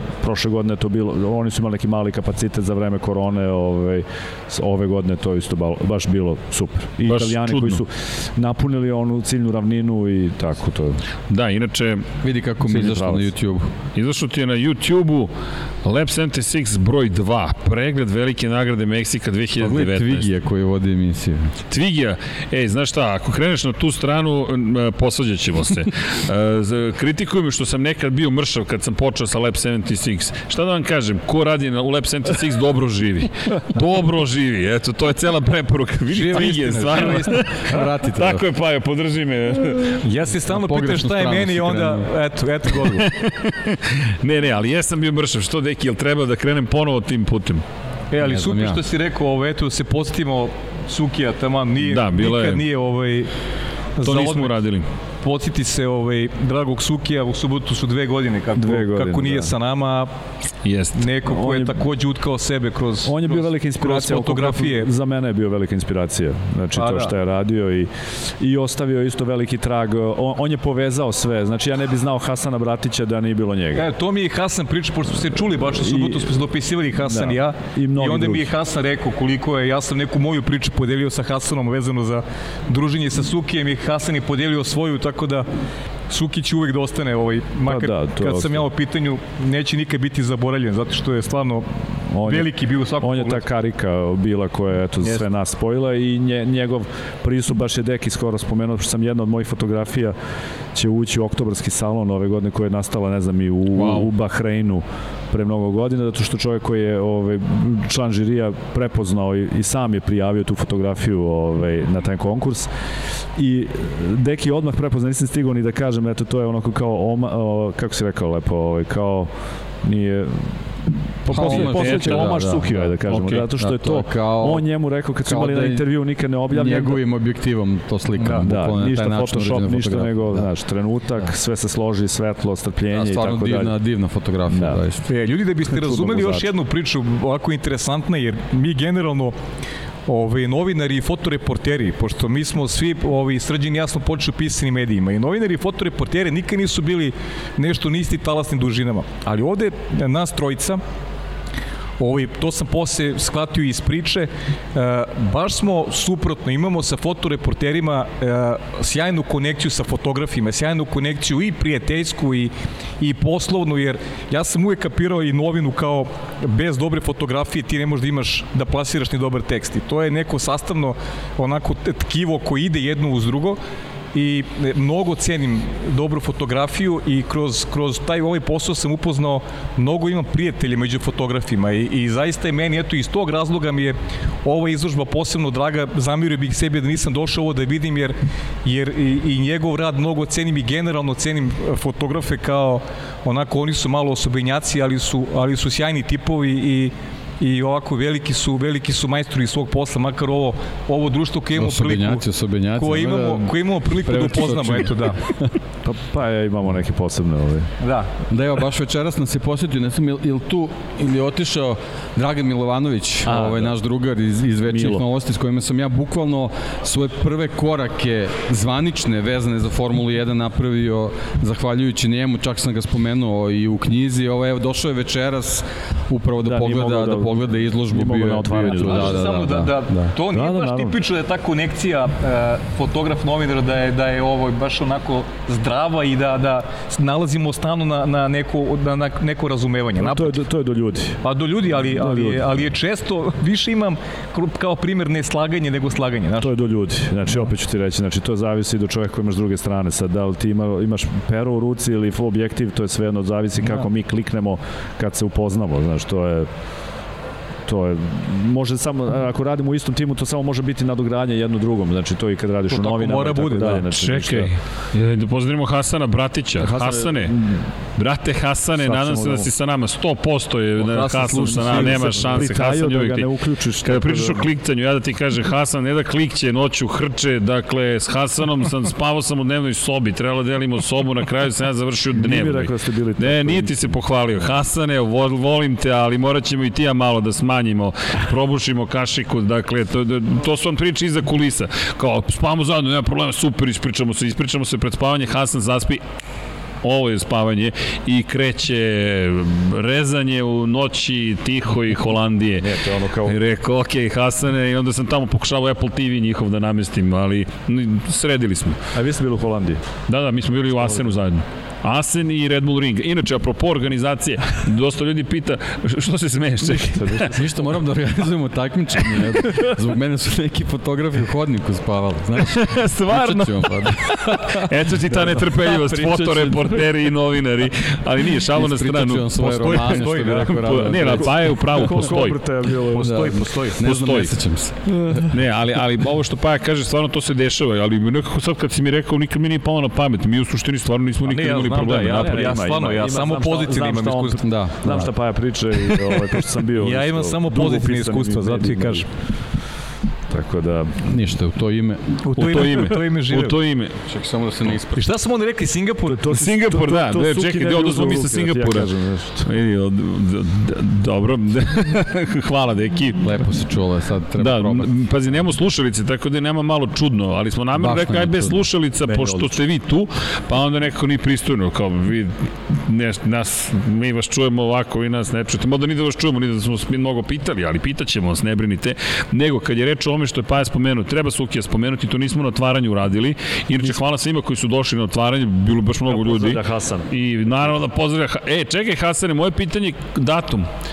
Datum, kad ćemo mi da vidimo Hasanove ovde radove? Jel biste da vidite Hasanovu izložbu? Ne, mašina se sad pokrenula. Ajmo sad da se čujemo, ajmo da čujemo mi, ovo je za Hasana, čekaj, ovo je najgore izvlačenje. Ajmo Hasane! Dakle, Da li je, da li je Skupštin, a pogledaj, najduži aplauzi za Hasan. Raznežio se sada. Naravno treba da se razneži, ali... E, uh, samo e, jedna digresija. Da, digresija. Ako smem. To je moje. Uh, znate u kom gradu živi Hasan? U kom gradu živi Hasan? Da. Ne. On živi u Nemačkoj, da. Dobro. U Limburgu. Dobro. E, kad će biti izložba? Mislim, čovjek nije znao to što kod nas. da, da, da. Znaš, u Limburgu, se već kako se da, kaže, da. Da, da ali, ovaj, zaista postoji taj grad i on živi ovaj, nedaleko, tako da... da, da, interesantno. Andrej me je tiltovao, bukvalno, treba nam fliper ovde, ja sam sada da tiltovao skroz. malo zidova za njegove slike. Malo okay. je zidova za njegove fotke. O, pa ne znam koliko je galerija. Ne, ne, da. ne, imamo mi još dva prostora, nemoj ti ništa da, da brineš, Hasane. Samo ti reci i mi ćemo sve da ostalo da organizujemo. Zato što, sekretaru, da li se slažete da usvojimo predlog da Hasan, ukoliko bude želeo, imamo tu izložbu? Hasane, predlog je usvojen i Eto, imaš i pečat. Ne znam da ima direktan let ovo iz Limburga za Beograd, nisam siguran, ali nešto ćemo da smislimo. Snaći ćemo se, Hasan. Ako treba, doći ćemo te vozimo. Isto kao što nam je nesto kombi sa stolom, doći kombi po tebe, ništa ne brini. Vozimo te od Limburga direktno do galerije, a i do hotela nekog Srki će da vozi, Srki će da ide kombijem. Vidi, to mi je u, nav, to mi je u krvi. 2000 km tamo i nazad, ma ne, to. Ne, ti bolji izgovor, ako neko bude pita gde voziš, vozim za Limburg, važi, bret. Kad te neko bude zvao tih dana, desi, evo, idem u Limburg. Vidi, ko zna šta krije Limburg? Ko zna? Ko zna šta Hasana, krije? Tako da ćemo početka. krije Hasana, tako je. Da. E, ali da se mi vratimo u Singapur, ne da ne, ne nikako da stignemo do Singapura, nego, apropo, neću stvari još u Singapur, samo još jedna stvar, Suki mora da bude spomenut. Da. Inače, neko je pitao, um, ne, su Hajduci i Uskoci pobedili prošle godine u Fantaziju. Ljudi, nismo zaboravili za Fantazi, spremamo trofeje i za one prošlogodišnje i za ovogodišnje. Samo ne stižemo sve, ali već ste naučili, makar sa mnom, zakasnit ćemo ponekad, ali ćemo završiti na kraju. Dekiju je porastao krvni pritisak generalno od kad radi Lab 76, ali sve je okej. Okay. Ljudi, mi na kraju dana ostvarujemo snove, samo da znate, hoću da nas pohvalim. Ova, ova, kada je poslednji put bila ovakva izložba u Beogradu? Ili bilo gde u regionu, Formula 1? Bila je Sukiju. Kada? Kad je preminuo.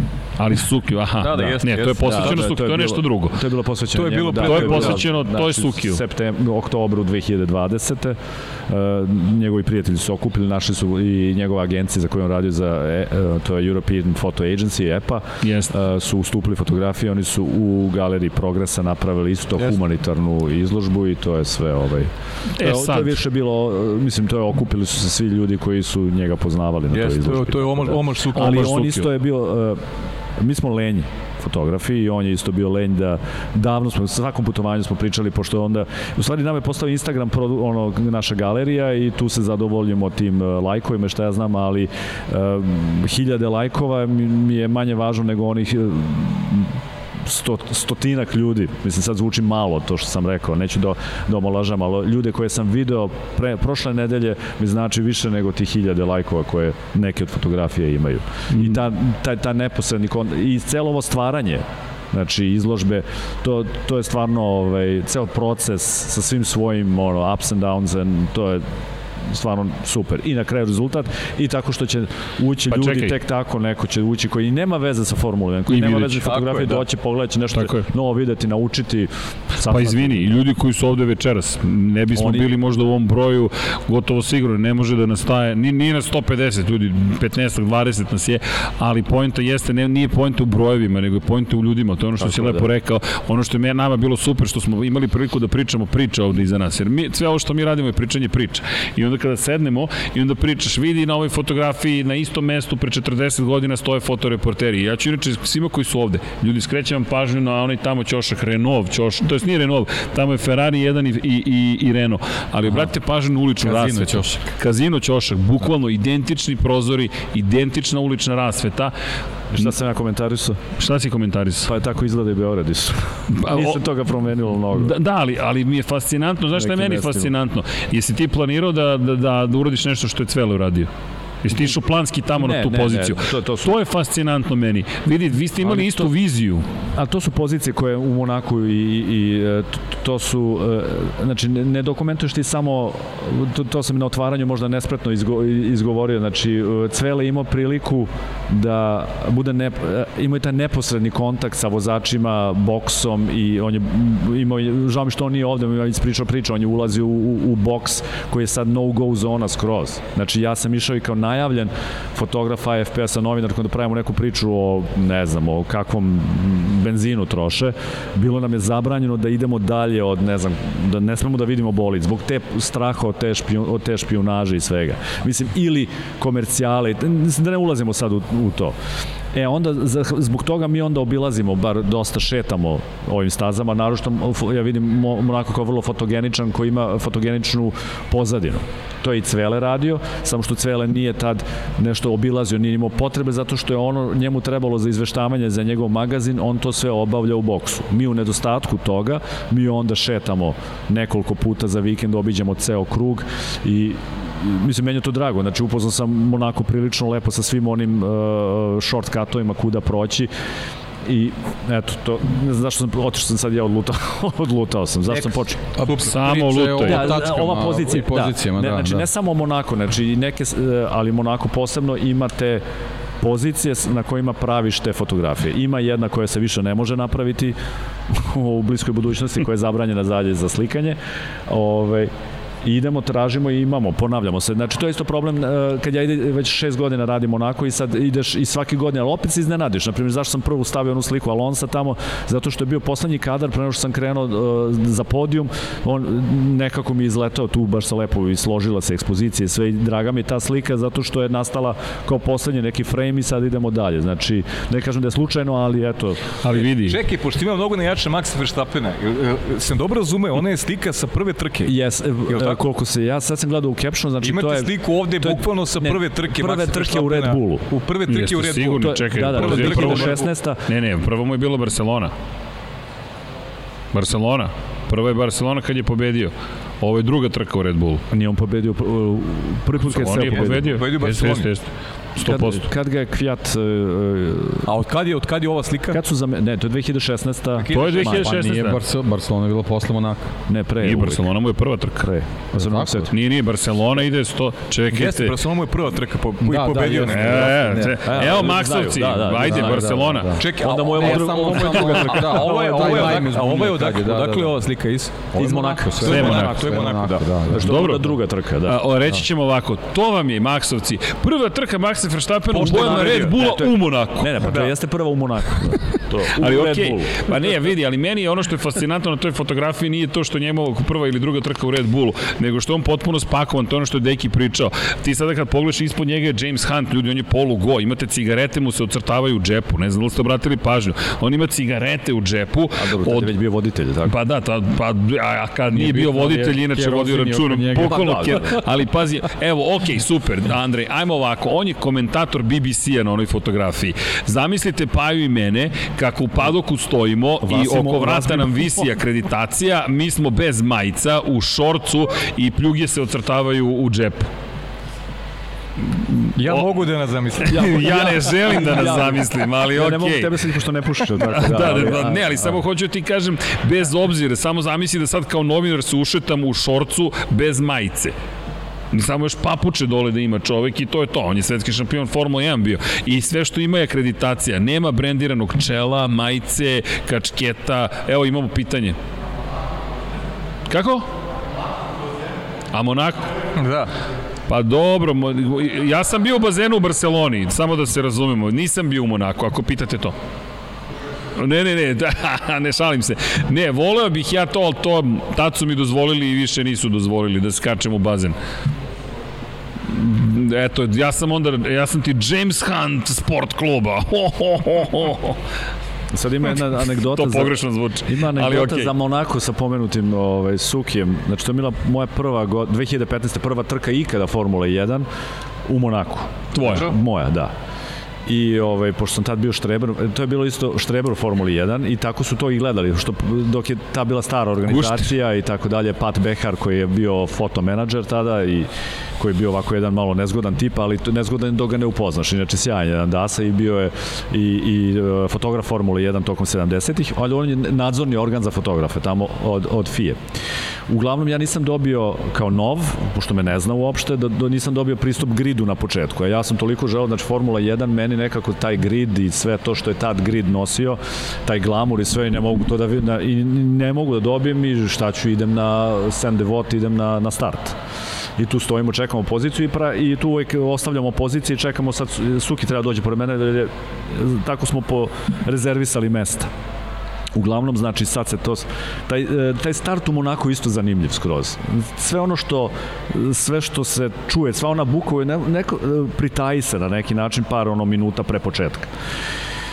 I ide, zvuk, ne ide čovek, ide zvuk prvo, koji psuje na vrlo sočan način na srpskom. Znači, svi su ono kao, ko je, šta je, ide Suki i ono, baš, da ne, nije ovaj pristojno, neba, da. sve. Ja mislim zato što sad mora da vuče svu onu opromu, jer nas, neki put nas puste da stazom dođemo do San Devota, neki put moraš iza one ograde i to je sve maltetiranje sa svim ono što ideš.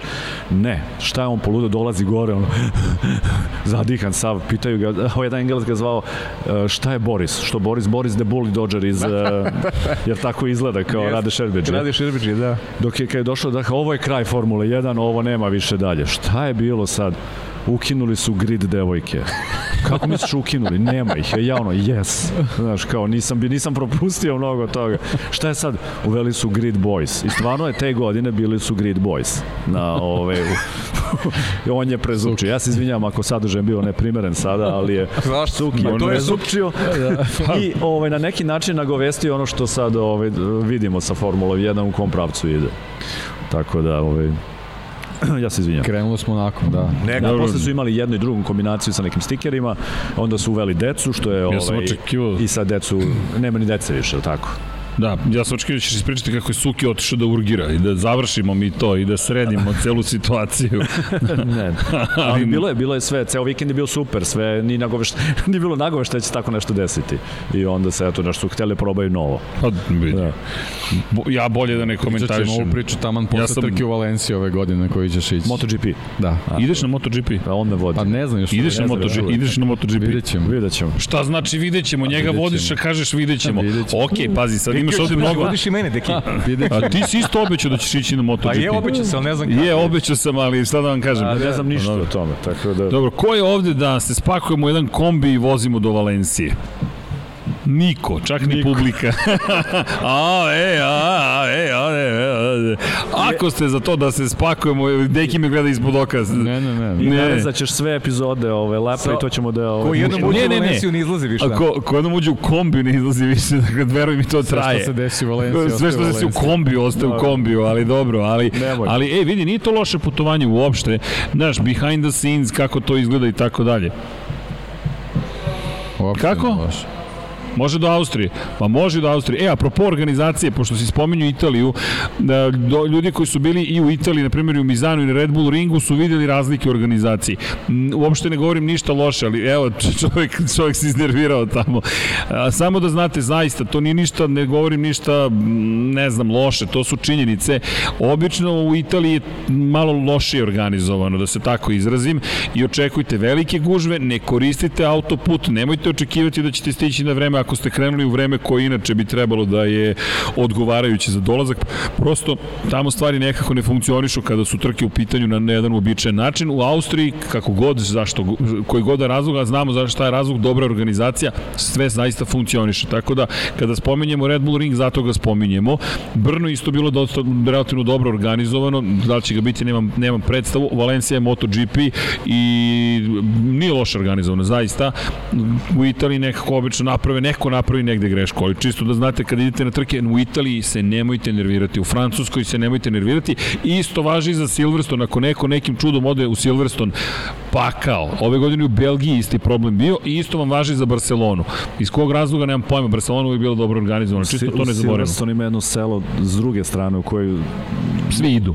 Ne, koje niko ne ide. U koje niko ne ide. Zove se Sal Grave. Tu ti zaista spavaš pred groblja, ali ovaj ideš pa bar tiho spavaš. S druge strane, ovaj se prilazi Silverstone na koji niko ne ide. To su otkrili su moje kolege iz Londona i mi tamo boravimo stalno. Eto vam trik. Čuli ste dakle na ukoliko želite. Ide. Jedino kad se ide kući posle kada ako u nedelju ideš za London, onda si evo, to je problemu si. Hoće mi da uhvatimo let London Singapur. Ljudi, Singapur, dakle par stvari. Zašto očekujemo Mercedes da bude dobar? Ja mislim da možemo da pričamo o tome da su bili dobri na stazama na kojima kao što nije Monca, dakle kada govorimo o maksimalnoj brzini ove godine aerodinamika Mercedesa deluje da je dosta daleko u odnosu na ono što je Red Bull postigao. Ne znam koliko ste ispratili, ali pričali smo o tome Red Bull koji ima mnogo veći nagib zadnjeg krila, mnogo veće generisanje negativnog uzgona, bez problema funkcionisao na pravcima, kao da otpor vazduha je mnogo manji, ali osnovni otpor vazduha, o tome smo pričali kada se završila velika nagrada Italije u sklopu najave, kod Red Bulla je mnogo manje. Ovde to neće igrati tako veliku ulogu. Ovde je niska prosečna brzina,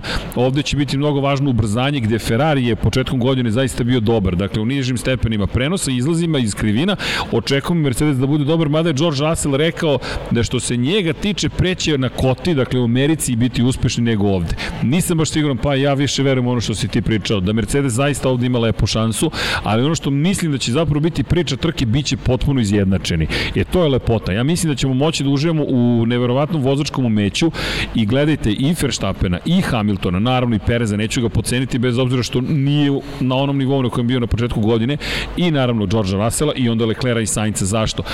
Šta je lepota uličnih staza? Ne, mnogi se ljudi nerviraju oko uličnih staza. Problem je u njihovom ukupnom broju. Ne u tome da li imamo jednu, dve, eventualno tri, nego ako ih imate deset, onda to gubi smisao, ali poenta kod uličnih staza jeste preciznost koja je neophodna. Ima tamo jedna fantastična fotografija. Stalno pričamo o prošlosti, ali ajmo malo da se divimo i, i, i savremenim vozačima. Ricardo je tamo na milimetar od odbojne ograde. To isto će važiti u Singapuru. Ljudi ovde nema prava na grešku. Dakle, a postoji opet opcija da se pretiče. Dakle, imate mogućnost da nešto učinite i zato mislim da će kvalifikacije biti apsolutno spektakularne. Jedva čekam da ih vidim, jer ko na kvalifikacijama pobedi ima naravno veliku šansu da triumfuje. Uključujući i Ferrari, nisam sarkastičan i ironičan, samo mislim da će to biti spektakularni krugovi. Andre našao novu igračku. Kvalifikacijama će biti dobri sigurno.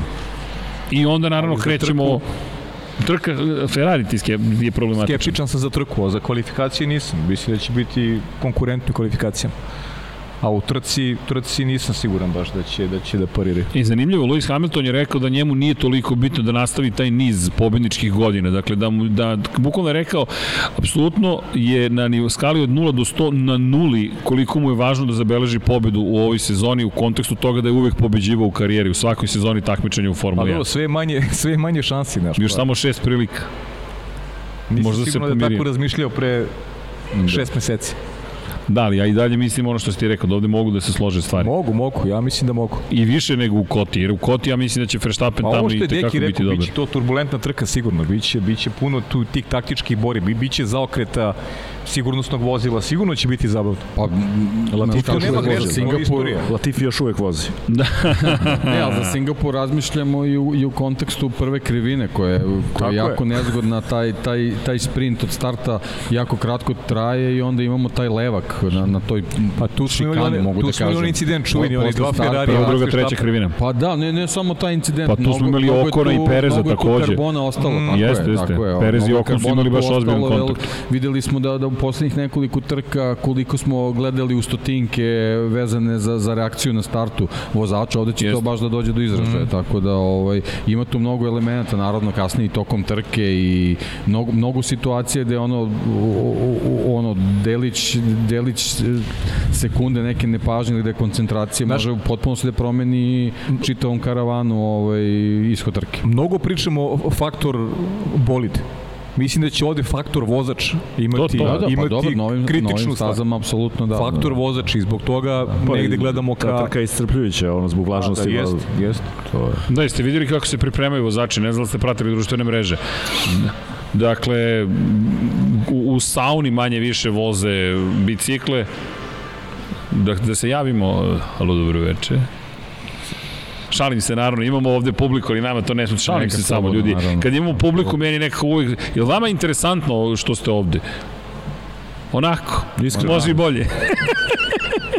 ali dobro, ali nama je zabavno, pa sad, ne zamerite, mi dalje uživamo, ali kada govorimo o, o ajde, o, o aspektu toga da u, šta hoću da kažem, apropo Singapura mi nemamo nijedan podatak za nove bolide Dakle, aj krenemo odatle. Apsolutno prvi put da imamo priliku da vozimo ovde.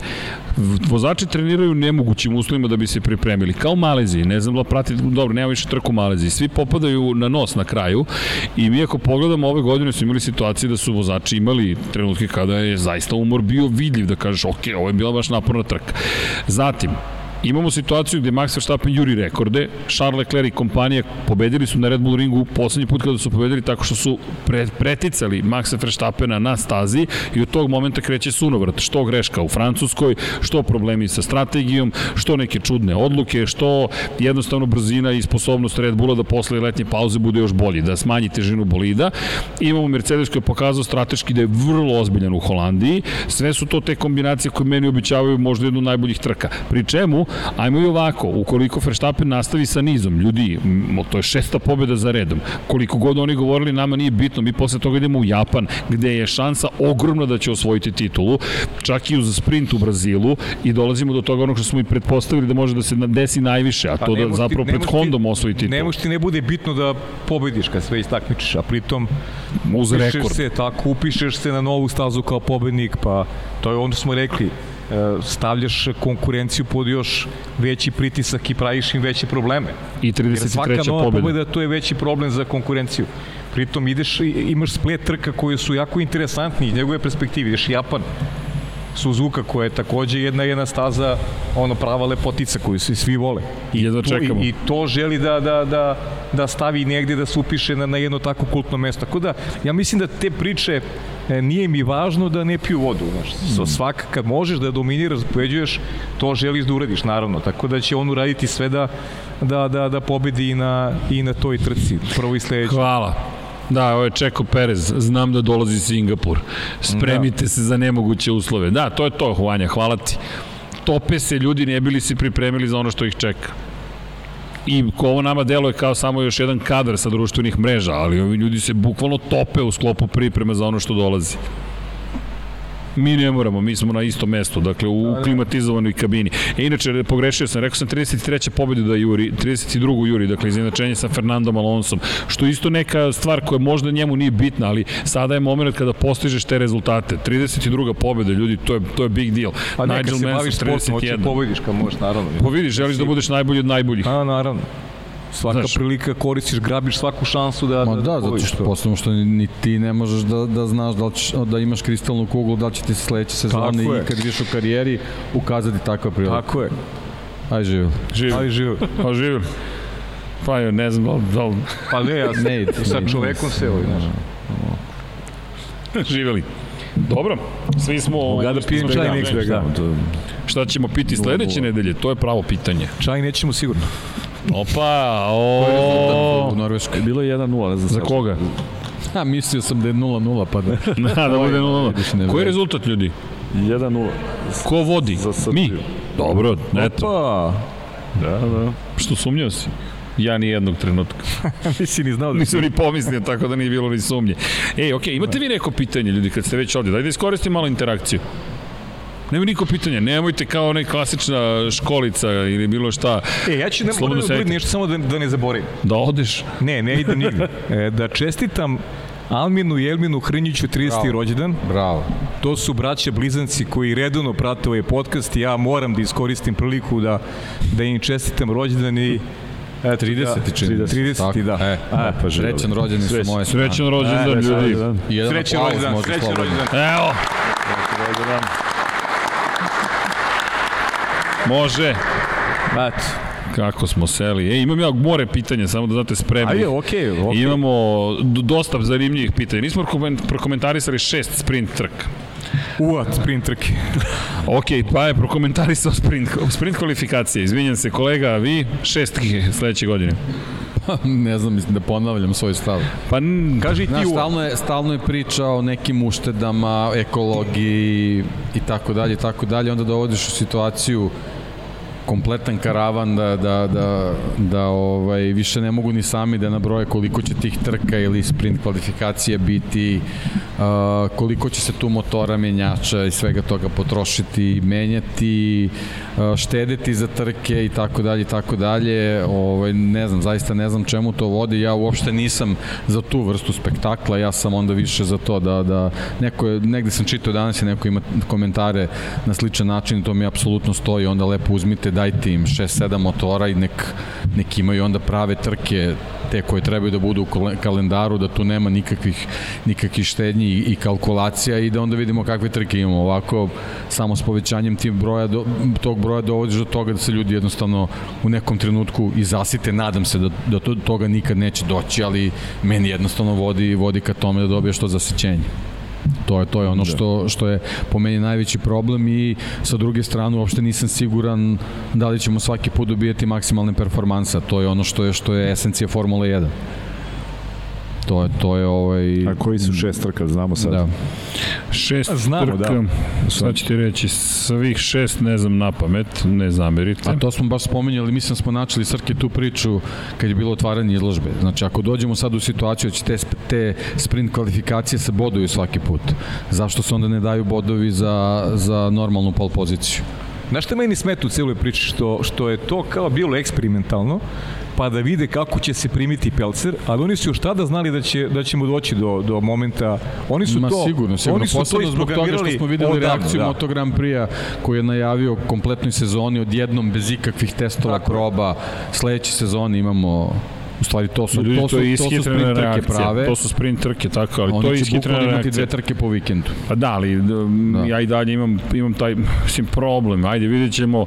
Znaš šta je pitanje? Šta želiš da postigneš? Upravo to. I, jel, šta upravo ti je cilj? To. Zaista to. želiš određenog trkanja, određenog nivoa ili želiš da vidiš koliko para možeš da zaradiš od da određenog spektakla? Da li želiš samo prevlačenje većeg broja publike, što na stazi, što kraj, kraj malih pa to, ekrana? To. I da li će ti to uopšte doneti? Apsolutno će ih biti Ajmo više, ovako. samim tim što je neka vrsta trkanja apsolutno će biti više publike, ali da li, da li je to prava cena i da li je to prava, prava mera, da li je to prava računica? Da ne otvaram previše MotoGP temu, to ćemo sutra, ali činjenica je da postoji velika razlika, ponovit ću po milioniti put, motociklisti ako pogreše, pad je greš, rezultat greške, redko kad samo siđu sa staze i tu se završi incident.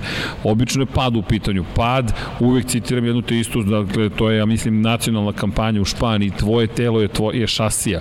Dakle, kada padnu povrede gotovo neminovno. Ti voziš sprint trku, boriš se za titulu šampiona sveta, juriš neke poene i dođeš u situaciju šta? Izletao se se staza, eventualno si pao. Ti žrtvuješ veliku nagradu koja dolazi sutradan, koja donosi više poena i onda kažeš, ok, u sprint trci vozim opreznije, baš zbog toga što moram da vodim računa ili ne. Znaš, to su sad, ajde izbalansirati pa da, sve to. paradoks, znači u Moto Grand Prix se povređuju vozači, Formula 1 se povređuju automobili. Da, i... Zato što si ti sad bukvalno doveden na ivicu i sa takvim ograničenjima da ti ne smeš da priuštiš da sa tim automobilom nešto nije u redu pred, pred veliku nagradu. I vraćamo se ono što smo pričali. I imaš zapravo neistinu, a to je da si dao tri motora na raspolaganje timovima, zapravo im je potrebno od 5 do, od 5 do 7 da prežive sezonu. Tako. Ali uštedeli smo, gde smo uštedeli? Ne. Mi proizvodimo isto, oštećujemo prirodu i zagađujemo prirodu isto, samo trka, smo kažnjeni. Povećanjem uh, broja velikih nagrada, putovanja, Mislim, mi, mi dođemo neku računicu, sad, sad kad bi neko mogao da izvuče računicu od pre desetak, 15 godina, koliko se tog CO2 emitovalo da, atmosferu, koliko je danas, mislim da možda, na čudan, možda, možda sad imamo mnogo veće brojeve. U, ba, baš se Čudno na čudan način štedi, da. da, na šu, čudan način. Sve, sve, je, sve potpada po te neke marketinške aktivnosti, to je ono u principu što mi najviše smeta, jer gubimo tu, tu, tu srž tog trkanja koju, koju, kojeg smo imali u Formuli 1, tu, tu neku opasnost, taj adrenalin, sve ono što smo spominjali vezano i za tu trku u Monte Carlo, zašto ona treba da bude tu, a na kraju kraja vidimo, vidimo i ona je na udaru, zato što pa da. ne pruža nešto što po tim nekim modernim standardima Sad, treba je. da bude u Formuli 1. Pa da. Da, inače, kada pričamo o tome ko je hteo pare ili nije hteo pare, kada je zapravo FIA, Međunarodna automobilska federacija, prvi put blokirala, Mohamed Ben Sulaim je blokirao zapravo širenje na veći broj sprint trka, priča je bila upravo o tome da on želi zapravo, da je on pohlepan i on želi više novca za sebe. Jer je tražio zapravo da se promeni ugovor između vlasnih, vlasnice komercijalnih prava, dakle Liberty Medije i FIA. Čisto da razumemo kako funkcionišu stvari. FIA je ta koja zapravo drži ta prava i onda ih ona proda nekome koji je organizator. Dakle, Bernie Eccleston je to genijalno učinio u momentu kada FISA, FIA nisu znali kako da funkcionišu organizovano. Došao, rekao, hoću 50-godišnji ugovor, dobio ugovor i posle, naravno, to su sad pregovori. Navodno je FIA tražila više para, zato je blokirala sprint trke. Navodno nije došlo do promene u tome koliko novca će dobiti FIA, ali je postignut dogovor da ima šest trka. Dakle, isto je uradio FIM, Motociklička federacija, prodala je prava Dorni. Kada kažemo da Dorna organizuje šampionat, to je faktički istina, ali zato što je kupila prava da to čini i dalje komercijalno eksploatiše taj šampionat. Ono što je tu paradoks, što zapravo nije paradoks, je balans sile u tome što ni jedan ni drugi ne mogu bez onih drugih. Tako da su to pregovori između njih i onda tu mi dođemo kao posmatrači publika, mediji, kao žetoni. Dakle, ko ima više koga na kojoj strani i šta će pobediti. Tako da šest sprint kvalifikacija imamo, nemamo šest sprinta, sprint trka, imamo šest sprintova i ono što je predlog jeste da budu Bahrein, Imola, Kanada, Austrija, Holandija i Brazil. E sad, vidit ćemo, ja nisam našao da je to definitivno potvrđeno ali to je bio plan i ono što je želela Formula 1. Ideja je navodno da žele mesta gde se lakše pretiče. Ja zaista ne znam u Imoli da se lakše pretiče, ali ok, ako oni tako kažu da je slučaj. Ja ne znam da se u Holandiji lakše pretiče, ali ok, ako oni kažu da je to slučaj. I ostaje Brazil, gde samo Lewis Hamilton pretiče, ali to je sad nešto drugo. Dešalo na stranu Sao Paulo, to je Interlagos, može da bude dobar iz te perspektive. U svakom slučaju prisustujemo bici između igrača u Formuli 1. Ovo je njihova bitka i vidjet ćemo kako će se to završiti. Ja mislim da će se samo povećavati 3 po 3, da je otpor mnogo veći u Formuli 1 čak nego u Moto Grand Prix. Čak mislim da smo videli diktatorsku crtu u Moto Grand Prix gde je rečeno niko vas ni ne pita ništa. Kad smo došli do toga da se Carmelo Espeleta dere na sve nas manje više, jasno vam je koliko je sati. Misli da će biti drugačije ovde, neće biti... Ne, neće, samo će duže trajati samo će trajati godinu po godinu, godinu pa, po godinu. Drugačija diplomatija. Ma, da. Tako je, drugačija diplomatija, pa više para. A to je isto kao priča to pre dve godine, eksperimentalno, pa vidjet ćemo šta će bude, tada su znali. Znali smo, tada su, znali smo i mi pa, da, da znali ok, da ali da. pričam za njih da su znali, zato su to i uveli. Ali dobro, to je sad neka šira priča, ne da im ove ljude pričali smo i prošli put. Ja ono, ono što da ne dobije to sa neki politički prizvuk, jer stvarno nije, ali generalno prisustvujemo nečemu što se zove amerikanizacija sporta generalno. Ne samo kada je Formula 1 u pitanju, već mnogi drugi ekipni sportovi gde je ušla američka pitali i dobijamo e, prizvuk onoga što ima i tog cirkuskog karaktera u sebi malo više cirkuskog nego što ima sportskog. Tako da e, prosto živimo to i to će, taj trend će tako da se, da se nastavi. Gledam samo kroz koliki broj futbolskih ekipa je dobilo novi vlasniki koji su doneli američki kapital i mislim da će se i futbol nužno menjati upravo, upravo zbog toga da će, sve, da će sve biti drugačije u krajnjem slučaju i mi možemo samo da pričamo o svojih mesta šta je nama draže, šta je, šta je nama lepše, ali, ali mislim da se u principu stvari neće menjati. Da, ja se kažem, ja se samo plašim tog zasićenja. Nadam se da do, da do njega neće doći, da će i sa nekim nekim novim formatima doći, doći do, do nekog recepta kako da to sve bude zanimljivije. Pazi, Ali kažem, pa ja, eto, ja. Ako, ako već te sprint kvalifikacije imaju neko svoje bodovanje, ja sam onda za to i da, da na standardnim trkama, da ih tako nazovem, kvalifikacije dobiju neko bodovanje. Jel, e, spominjali smo primjer Charles, Charles Leclerc. On sa, za svoje pol pozicije praktično u karijeri nije, nije ništa dobio. Što da. sad već iz ove perspektive ne deluje baš, baš onako pošteno. Da, to je zanimljivo kada pogledaš zapravo Charles Leclerc koji ima beskonačno pol pozicija. Neko je pitao ovde da li bi trebalo da se boduje pol pozicije, baš je bilo. E, inače, hvala svima koji ste svratili. Ja apsolutno nisam za to, ali da je ostao format kakav smo imali do, do sad. Međutim, sad sa, sa povećanjem sprint kvalifikacija Zašto, zašto, zašto nisi nagradio onoga ko je bio najbrži, tako je. Bodovalo, ne, ali to, kažem ti, zanimljivo pitanje, neko je pitao da li bi trebalo da se boduje kvalifikaciji. Sad upravo što si rekao, nikad odgovor nije samo da, ne. Formula 1 se promenila i ovo što neki govori, ja se slažem s tom 100%. Čekaj, nagrađuješ, nagrađuješ nas na šest trka za brzinu u subotu, a ne nagrađuješ me na ostalim trkama. Zašto mi ih ja voleo da se uvede i to četiri čak poena sad za pol poziciju, to su mi razmišljali, od, evo sad zaključak sam dobio upravo dok si ovo izgovorio. Zašto? Pa ajmo ovako, to će naterati onda i da planiraš trku drugačije. Ti onda moraš da planiraš trku drugačije. Jer ako Max Verstappen može da startuje drugi, treći, četvrti, peti, osmi, 12. 15. Dakle, on priprema bolid za trku, on zna šta ga čeka, kvalifikacijona pozicija postaje manje bitna. Cool, svaka čast Red Bullu na tome. Ali, ajmo da vidimo ovako, ako znaš da dobiješ četiri poene za pol poziciju, hm, da li taj kompromis se isplati da ga pravim ili ne? Nemam pojma, samo neka razmišljanja. Ali eto, postoje kompleksnija Formula 1. Ne, nećeš verovati, slažem se s tobom. Čeka, ovo mora da se za... To je šlag. Čekaj, šlag. Da, a svi gledaju, jeste ih primetili da. svu trojicu kako, kako gledaju satove ovako? Ko, jedini, pazi, ko jedini ne gleda časovnik? Pa ne, ja, ja ne, ja ne nosim sat. A pazi, samo ti kažem, ovaj, razmišljao sam ono što se priča. I stvarno si u pravu. Ali Mislim, pa, vidi, to mi je da. zaključak da apropo Deki... Ima, ima, ima, ima logike i tekako. Da. Znaš, ti menjaš u suštini, ti onda kažeš, ok, nećemo da te kaznimo, nego ćemo da nagradimo nekoga ko je bio brz, pa ti biraj, da li ideš i dalje istim putem ili ne ideš i dalje istim putem.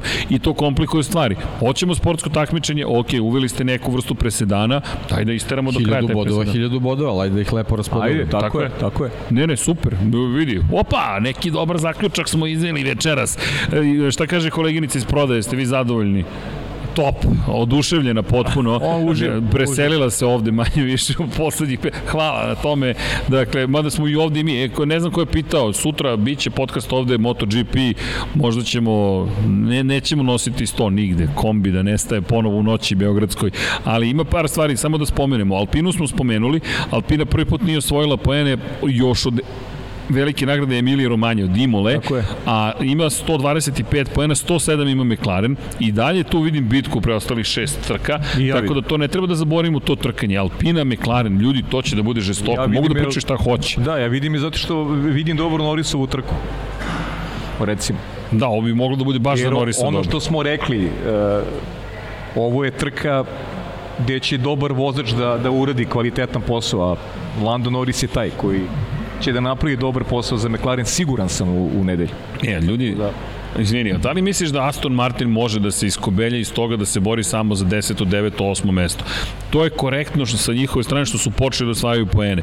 Oni su na 8 poena za ostatka odnosu na Alfa Tauri, ali da li iko vidi Aston Martin sada pred kraj sezone da, da, da će se pomeriti, znaš, da će se uopšte tu otvoriti neka bitka? Jer pazi, Haas nije daleko na poziciji broj 7. Pa dobro, znaš kao Aston Martin, Vettel tu ima neka iskustva s tom stazom, mislim, bez obzira, pazi, pet neke pobjeda. druge generacije bolida, mislim, sigurno nečim može da, da, da doprinese taj automobil bolje pripremi plus, mi već liči, plus njegova vožnja. Već me, više me posjeća da. na Kimija s kraja prošle godine deluje mi potpuno onako odsutno.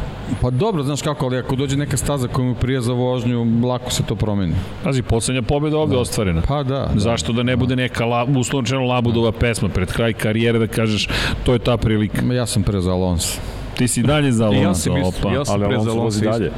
Ne, nema veze. Da, da, ali pazi, s njima u Alpini. Tome, da. Pa pazi, ovde treba da dođe opet šampion do izražaja. Jeste ulična trka. Ok, Alpina neće biti toliko brza kao vodeće tri ekipe, ali ima tu, tu zaista ima lepa tu situacija, može da se otvori. Da, da, da, da. I ne polažem nikakve nade u Alfa Tauri i dalje. Imam osjećaj kada će opet biti tako je moglo biti dobro i tako smo mogli da osvojimo mnogo pena, na kraju nećemo osvojiti. Samo moj utisak, nemamo predstavu kao i uvek kada najavljamo ove stvari. E, ali Vanja, možemo da iskoristimo Brembo i jao, ovo će da bude čudno, dakle, bez slušalica, Samo da najavimo, najjača tačka kočenja, ili ti Brembo, pa sad možete da čujete makar uh, muzikijuce u pozadini, 23 krivine, imamo 15 tačaka kočenja, dakle manje više non stop se koči, ali ono što je zanimljivo, 22% kruga se provodi na kočnicama, to je 22 sekunde, zahtevna je staza za kočnice, najsnažnija tačka kočenja krivina broj 1 i kada govorimo o zapravo zaustavnom uslovčenom putu zbirnom za celu stazu skoro ceo kilometar se koči. Inače ovde je maksimalna brzina negde ispod 300 km na čas na pravcu,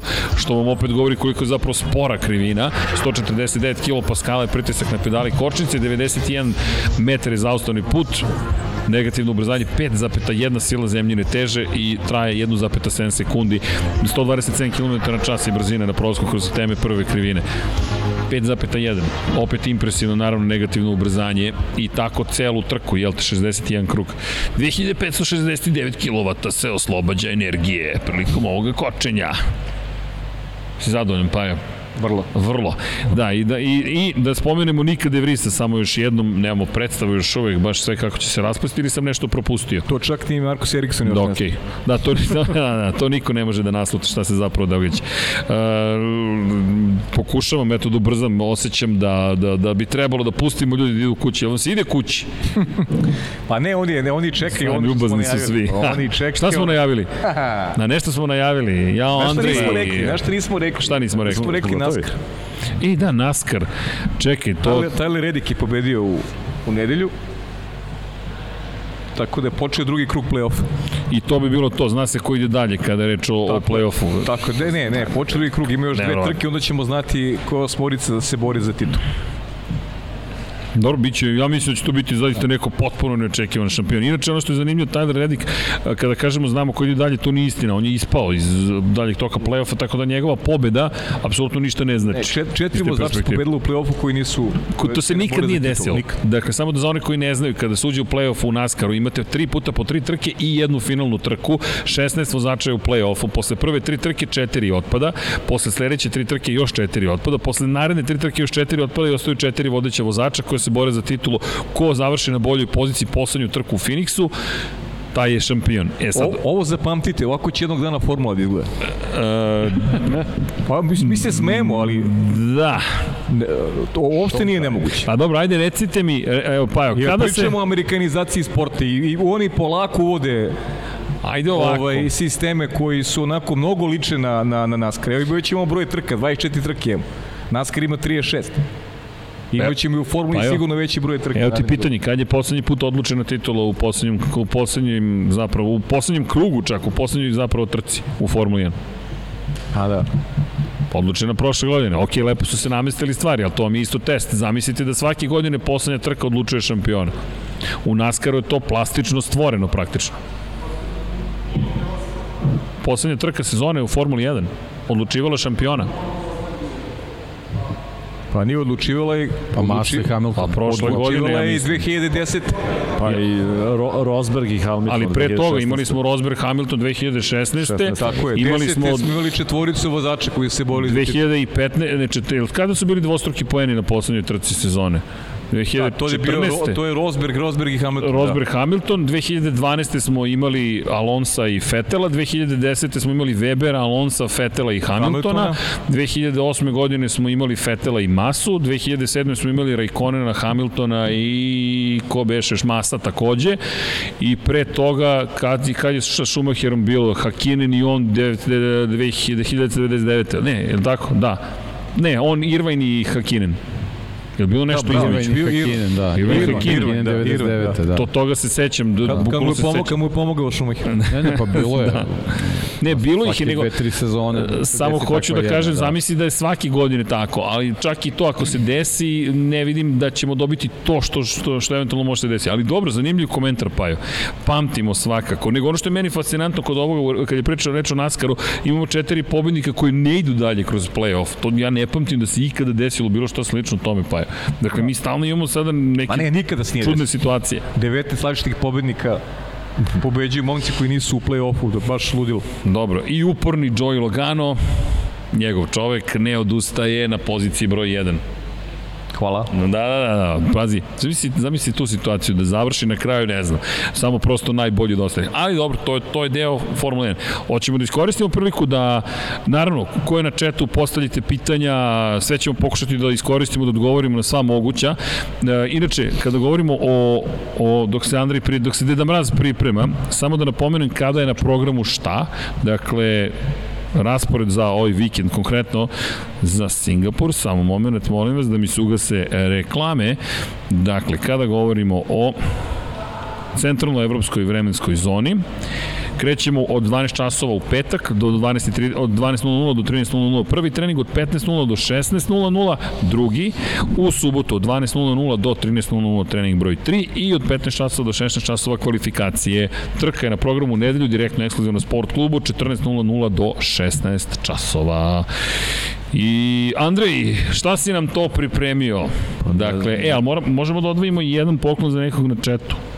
Pa to možemo naknadno da To možemo naknadno. Ok, to ćemo naknadno. Andrej je pripremio po specijalne poklone za sve koji su večer, ne za sve, ali ne znam koliko si pripremio i kako ćeš da ih podeliš. Bilo je prilično random, samo sam zgrabio onako, ovaj, Dobro. Sad, šta je? Sad, da li želite suvenir? Da. Baš tako. Tako je bolje, nego kažemo poklon to zvuči, ovo, je, ovo bi bio poklon, ali nije. Da, to smo mi dobili kao poklon, da, hvala. Ovaj, e, da, suvenir. Šta je u pitanju? Ja sam, eto, šta bi mogao da donesem, a ovaj, toga sam nakupilo se toliko, tokom godina. Gde nam je fotograf? A, ovaj, ima ovih, e, to mi to zovemo tabardi ili ono fotobibovi koje nosimo dok, dok smo na trkama Formula 1, izvoli možeš i da obučeš. Ne, ne, I kažem, ja sam zgrabio nekoliko komada koje sam našao kod kuće i sada ćemo to da podelimo, samo što... Ljudi, ovaj... to su sitnice, ali nadam se da ćete biti zadovoljni. Da, ok, kao neki da mali je rešio ovako. Ovo vam je iz Monaka. Da. I, I ima i Lab 76. Da, to je od ove godine. Ja mislim ovo da su autentični, dakle ovo dobijete da. kada ste fotoreporteri. Ovo simpatično. Ako nije, mi ćemo rado da zadržimo za sebe. Nemojte e, uopšte da brinete. Nema dovoljan broj koliko vas ima. Ako se slažete, prvo ćemo podeliti damama koje su ovde. Jel to pa u redu? Ono, ostalo to je možemo po ko brži ili ne znam, nek Srki postavi neko trik pitanje ili nešto za ostalo. Trik pitanje. Ok, pa. hvala ti. Ja sam se spremio šta bacamo. Ne, nećemo. Da. Pa čekaj. Ove, ovaj, ja mogu da, ove, ovaj, ne znam, da čitam koje imamo ovde i godinu, pa onda neka se dame jave. E, da. A, a pa ćemo posle... Evo, da Monako da. 2020. To ostaje za sa strane. Druga, to ostaje sa strane. Stvari ne možeš, ako ima neka dama. Ali... Pa mislim, ne znam. Monako 2000 Jel ovo čuvamo ili ne? Ovo ti je 2022. Druga, da, može slobodno. Ovo ti je druga, jel delimo? Modelimo, delimo. Delimo, okej. Okay. A devojke, kako, kako ćemo? Ćemo ovako, hronološki, kako, kako želite, hoćete ovako? Što ste stidljivi svi. Um, Što da ja dodam. Ajde ti, deki, da budi, krenem, krenem redom. Budi grid boy, krenem, molim. Evo, budi grid boy. Evo, evo ga. Evo ga, Srki, dakle, spasilac naš, dakle... Kreni redom, devojkam. Evo je da pored tebe. Da. Tako, zgužvaj pre nego što daš. Zgužvaj, pa zgužvaj, ma baš te briga. To... Evo, Be Belgija 2015. Ne, ima neko, čekaj, čekaj, ajde pitamo, ima neko ko posebno voli Belgiju od dama? Ne, vi niste dame, momci, come on, no, no, ajmo samo polako. Ne, Belgija nije popularna, čekaj. Ko voli Soči? Ko ima neko ko Koji želi Soči, Rusija? Iz 2018. Nije popularna, Nije popularna. Čekaj, ajde, hladimo. Ok, Saudijska Arabija. Niko da reaguje. Čekaj, zahtevna publika je. Neko želi Silver, Silverstone iz 2019. E, okej, okay. ko želi Italiju? Opa, imamo ovde A, ima Italian više. Blues.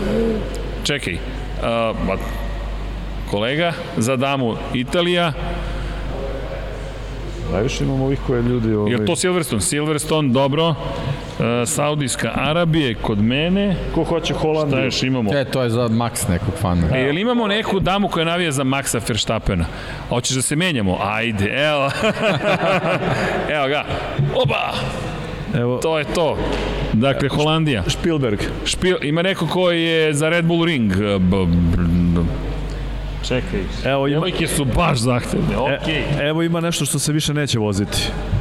Šta je? Aha. Hockenheim. Hockenheim. Ko neko želi. Dobro, mi se lepo zabavljamo, definitivno.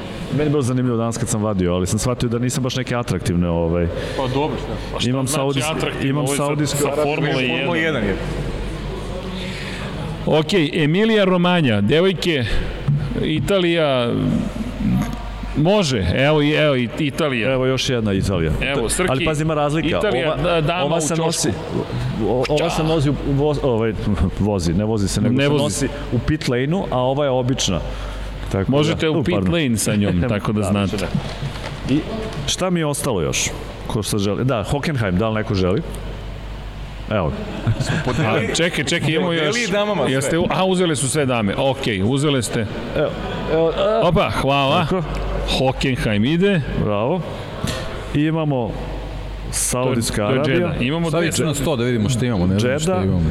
Džeda, Džeda. Ova ima svoj, ovo je isto Saudijska Arabija, ali sa lap 76. A šta si radio u Saudijskoj Arabiji? Koliko trka si postio u Saudijskoj Arabiji? Još jedna Saudijska Arabija. Četiri Saudijske Arabije. Ok, Andrej, ajmo da pričamo sad o tvojoj poseti Saudijskoj Arabiji. Mislim da više neću, pošto sam slikao onaj... Tebi četiri. Ne, sad će dobiti oktobarsku nagradu. Svih fotoreportera. Sa Bahrein, ne, ništa. Onda Bahrein. Evo, Soči je ostao. Dobro. I Turska. I Turska. Pa daj po, daj Turska. Evo, evo, Turska. Turska prodato. Prodat Istanbul Park. Nema Ajmo više, sada. dobacit ću vam sutra, pa ako neko sutra Da. bude bio... Ovaj, E sad, momci, nemam pojma. Znači, evo šta je ostalo ovde podeliti. Ali morate da osvojite. Aha, ćemo tako... Biće sutra još. Ajmo sad. Pa Ja, ne znam. Ajde, Saudijska. ko je pobedio u Sočiju 2018. Kako? Ko je rekao prvi? Ko je rekao? Šta je rekao? Ko je rekao Valtteri Bottas? Ko je rekao Valtteri Bottas, taj je pogrešio. Ajmo dalje. E, odlično. Znači, Mislim, bili ste blizu, ali... ali, ajmo ponovo. ali Soči 2018. baš ste izabrali trku u kojoj je Valtteri tako? na, na neki način je pobedio, ali nije pobedio. Jes bio prvi u kvalifikacijama, jes imao najbrži krug, ali moralni pobednik. Da, a pouka ove priče, moral of this story is... Čekaj, šta je oko ove godine? Godina. Aha, 22. 22. Saudijska Arabija, 22. Ko je pobedio? Čekaj, ko je pobedio? Tako je. Ko je Ko, Ti ne možeš izaći. ko je Maksovac? A ne, stvarno. No. Ali ko je tačno odgovorio? Ja izvinjam- evo, gospodin, izvinjam se. E? Dobro. A ko je 21. pobedio u Saudijskoj Arabiji? Opa, kakav, ko je bio prvi sad, ne znam. Evo, gospodin je bio prvi tamo. Gospodin, Opa, ovde je palo i oblačenje. A šta se desilo Ček, a, za- ove godine u Saudijskoj Arabiji pre trke? A čekaj, Sad jedan zajednički imamo onaj momak je tamo fotografa odgovorio. ovde. A, imaš, dobro, dobro. Svi, svi da stave tablice. U, svi, da, svi sa tabordima ovde. Dame, nema šanse da obukuje se i normalno. Da kvare outfit koji su pripremile, nema Da, zbog toga teorije. vjerojatno neću ići ove sledeće godine. Aj, sad ćemo da vidimo. I ostalo još jedna Saudijska Arabija. Da, zanimljivo pitanje šta Andrej, toliko. šta si radio u Saudijskoj Arabiji? Dakle, s- ok, Da sam znao ovaj, da će biti više ljudi. noći ovaj. u pustinji. Ljudi, nemam pojma šta se Bio desilo. raketni napad na, rafineriju u Džetu. Pa dobro, to nije fo... Pa dobro, Andrej ima ta kompleksna društvena ali je bilo pitanja. zanimljivo što su vozači hteli da napuste trku, a menadžment im nije dozvolio na kraju. Da, to je prvi sastanak ozbiljniji vozača sa potencijalnim bojkotom posle Tako hiljadu je. godina. Bukvalno posle hiljadu godina. Vrlo su bili rešeni da ne voze. I da, ali to se nije baš tako lako prenelo dalje. Čekajte sada ovako da vas evo fotkam Dekija kako fotka vas, kako se svi zajedno fotkamo. Uh, okej. I stvarno izgledamo kao neki ko, znaš, znaš ono, kad donesi neki sto iz trpezarije da sednemo nešto Ne da znam da snimamo. li se to pere. Nema, nemamo turšiju. Možda će malo miriše od stajanja, ja se izvinjam. Ali, Možda je trebalo ovaj, sto malo bliže tamo da Može se stavimo, provetri. ali nema veze. Možem. A, pitanje... Opa, koji je aplauz, udario? Dođite, dođite. Ajde, pitanje, pitanje za Andrija. Ajde. Slušaj. Pitanje za Andreja. Da li ovdašnje vreme u Formuli 1? Čekaj. Aha, Ima fotografa koji su ostali na analogoj fotografiji, fotografišu koristeći film. I da, li, I da li ima fotografa koji imaju priliku da uđu u garaže? ima i to su sad... Uh, hmm, to su igre, ajde da kažemo, eksperimenti koje ljudi rade. Znači, uh, svi volimo da se vratimo na film. Evo, nosio sam ja isto sad za, uh, u, u Imolu ove godine ali sam ovaj, napravio grešku kad sam razvijao film, zato što taj film je star jedno 10-15 godina, kamera je okej bila i trebalo duže da se, da se razvije, pa su malo fotografije onako i mislim ima svoj šmek. Ali e, ko to radi ozbiljno radi Joshua Paul, on je naš jedan drugar, bivši e, srpski zet, inače čovjek je iz Bruklina, iz Njujorka. E, možete naći priču o njemu, bila je na CNN-u, on slika sa kamerom s 1903. četvrte, drvena velika kutija i on je napravio jedan veliki hajp od svega toga, nije on to hteo da se napravi priča o njemu, mislim da nije, mislim do, drugari smo, pa ovaj, sad da ne ulazim u to, ali gledali su ga jako čudno kad se on pojavio baš 2014. i 15. prvi put u Monaku s tim. Naravno, čovek na koga je naletio bio je Suki, koji ga je onako nije ga ismevao, nego mu bio interesantan. Vrlo brzo su se nekako skopčali, pošto je ispostavilo se da je ovaj, srpski zet Ove, i, ali su svi neki otpor pružali prema njemu kao vidi šta ovaj glumi sa ovom kamerom. Međutim, kad je on sledeće godine počeo da objavljuje te fotografije koje su slikane, znači fotografije ovog formata otprilike, to je plan film i imaš, ne znam, šest on ima snimaka, ne znam koliko ih ponese sa sobom i pravi unikatne fotografije. Znači, bukvalno unikatno, dobro, on ih digitalizuje, ali ta ploča, on ti može čak da praviš takozvana kontakt kopija, sad vi ste mlađi, ne znam šta to znači, ali kad praviš fotografiju samo sa negativa, nema uvećavanja, nego jedan na jedan. I on je napravio lep ima on svoj magazin, zove se Lollipop magazin, mogo bi da bude i naš gost ako ikad se pojavi ovde ovaj, u Srbiji, trebalo bi da dođe. To bi bilo super. Ovaj, da priča o tome. A možete ga naći, sad sam malo skakao tamo vam, Joshua Paul se zove i on to najozbiljnije radi. Ima naš kolega iz Slovenije koji to isto rade, Vid Vorščić, ovaj, ko, koji je da. pitao da. za fotografiju tamo, enoga, tamo vidi se ona fotografija gde uh, Ricciardo, Ricardo, ulazi, da. u, Ricardo ulazi u krivinu, on ga isto tu slikao i on slika isto na filmu sporadično nosi neku minoltu, nosi Rolleiflex neki, ali to je sve onako pomalo, po, on slika i digitalno, ali eto ljudi probaju i to. I zanimljivo je kad se vratiš sa tom analognom kamerom, vratiš na, na, na, na ta mesta taj luksuz ja nemam sebi zato što šta ako mi se opet neko sruši ispred, ono slupa ispred ove, ispred mene dok ja to slikam. Uh, u Imoli sam slikao ovaj kad su bili neki trenizi na nekom mestu, ovaj sam probao par kvadrata u suštini u onim nekim krugovima gde oni ne voze brzo i tako da ne bih slučajno propustio nešto drugo. Eto. Ali ima i, le, zanimljivo je. Uh, i, i, podrž, i podržavam ko hoće da eksperimentiše, ali je postalo jako skupo to da se, ovaj, da se nabavljaju filmovi, da se razvijaju i tako dalje. I skeniraju kasnije. Ali opet je, šta je tu sad, na kraju opet hoćemo da vratimo to u digitalno, da bi prikazali. To je taj ceo proces drugačiji, ali naravno da je to drugačije. Ali opet, vra, da bi to prikazao, danas moraš da vratiš u digitalni format da bi to nekome pokazao. Da. Ima tome, da. Ali Joshua Paul, potraži njega, znači on baš pod imenom i prezimenom ima e, Lollipop magazin se zove na Instagramu, ovaj, pa možda vidiš njegove, njegove te radove. Zanimljiva je njegova cela priča. I super je tip, tako da eto. Hvala Andri, super odgovor. I super pitanje. Hvala. Ima tu zanimljivih tako nekih pričica sa strane, kako da. Tu bi Hasan znao da dosta priča on je radio isto do, u, u vreme filma. On je počeo 98. prva da mislim da je 96. prva trka koja je radio, znači još ovo je bilo, bilo na filmu. Tako. Šta ti kažem, Andri, hvala. Imaš neko pitanje iz neko publike? Pitanje.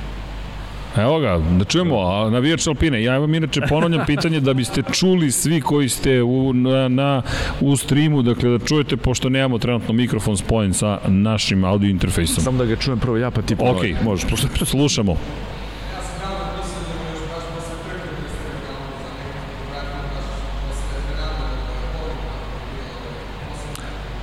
U Saudijskoj Arabiji bilo, tako? Kad se on, kad je ovako gledao, tako?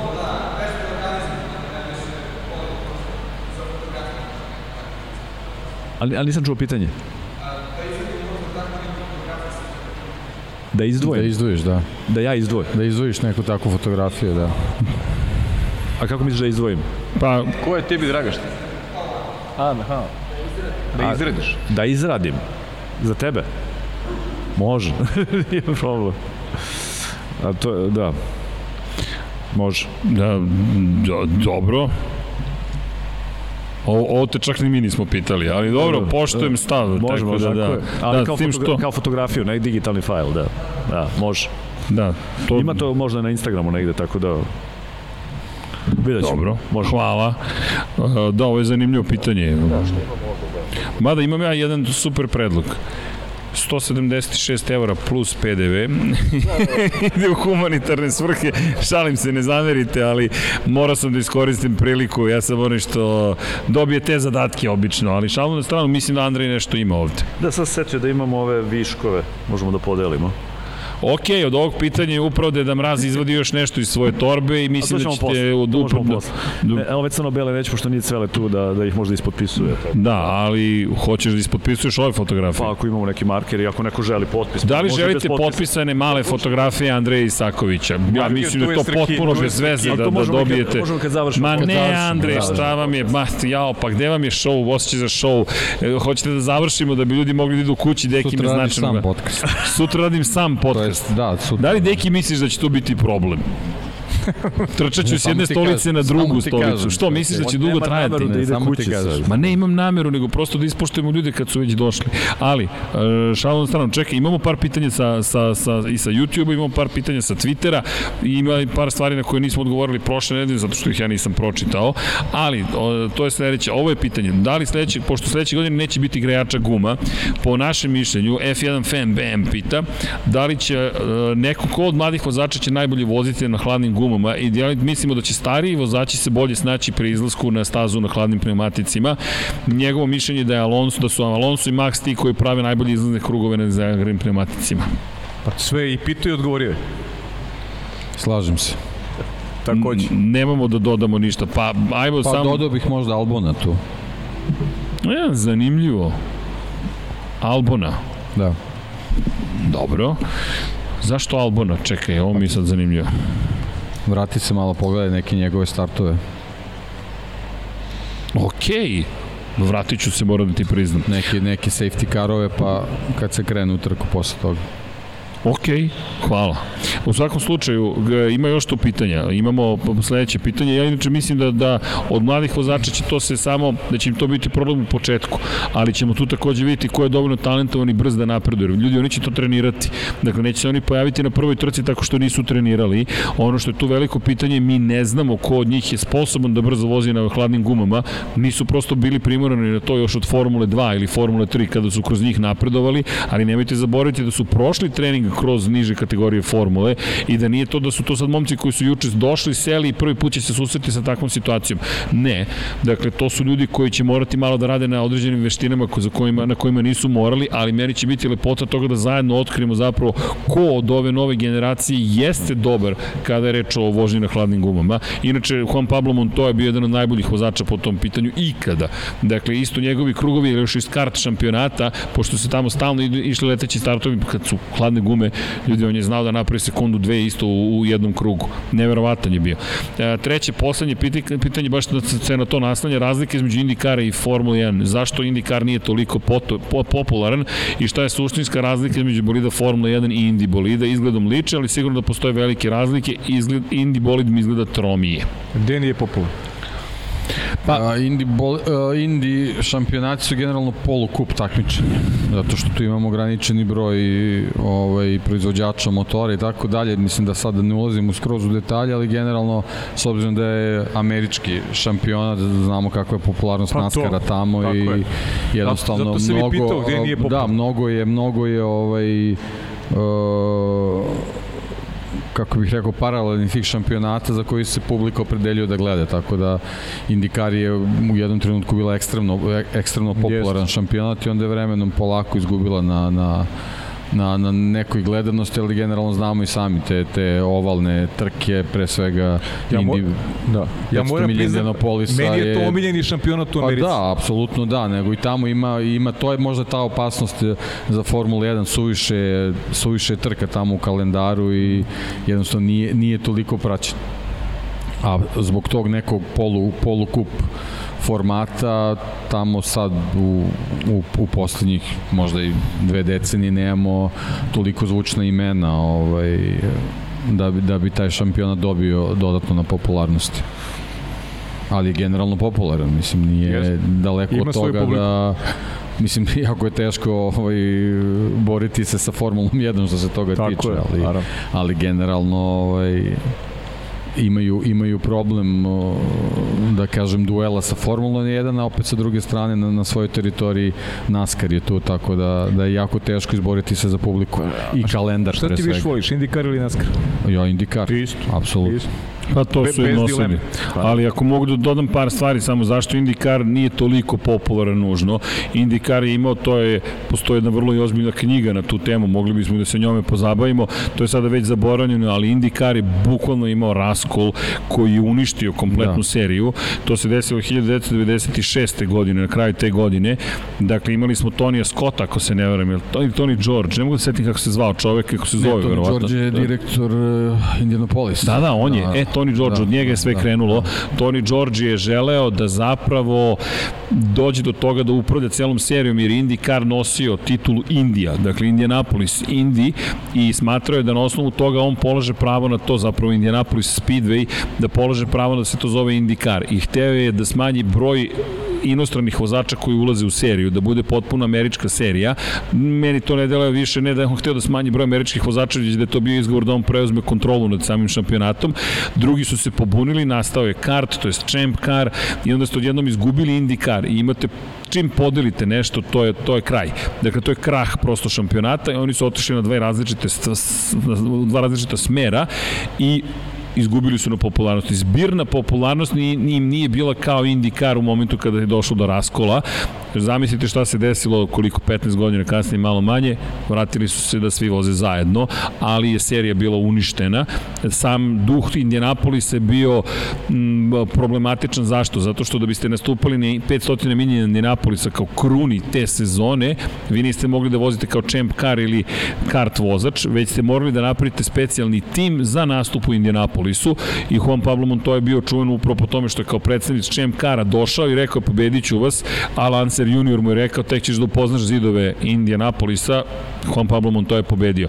I to su bili bukvalno ratovi između te dve serije i slično NHL-u, na primjer, kada je u jednom momentu su odlučili da idu na štrajk, NHL je ozbiljan udarac pretrpeo, NBA takođe, NBA se u jednom momentu borio sa NFL-om za prestiž u Americi i onda su NBA, ja mislim 1999.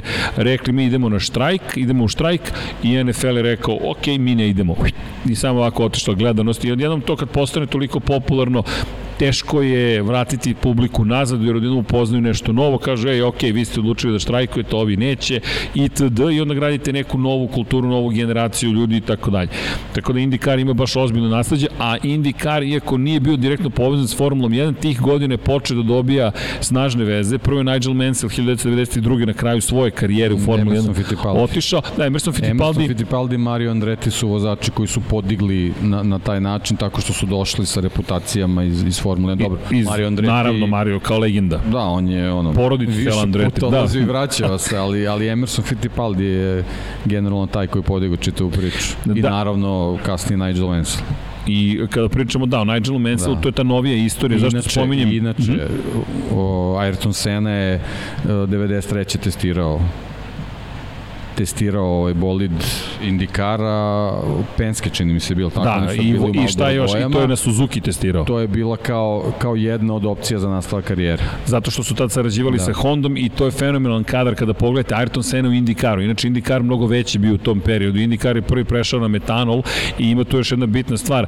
Ne samo što je to radio, već se pozabavio i driftovanjem. Dakle, vi ste mogli da vidite Ayrtona Senna u nekim neverovatnim scenama. Inače, potražite to, vidjet ćete isti sponsor. Dakle, u pitanju kada govorimo o Ayrtonu Seni i da ne sad ne promovišem sponzore, pošto jel te, trenutno to baš i nije poželjno, ali činjenica je da je to taj period neki neverovatan zapravo i ono što je bitno takođe bilo Jacques Villeneuve kada je stigao, stigao je kao šampion Indikara i stigao je ne samo kao to, nego ne, nije bio šampion, bio je pobednik 500 milija Indianapolis, el tako beše?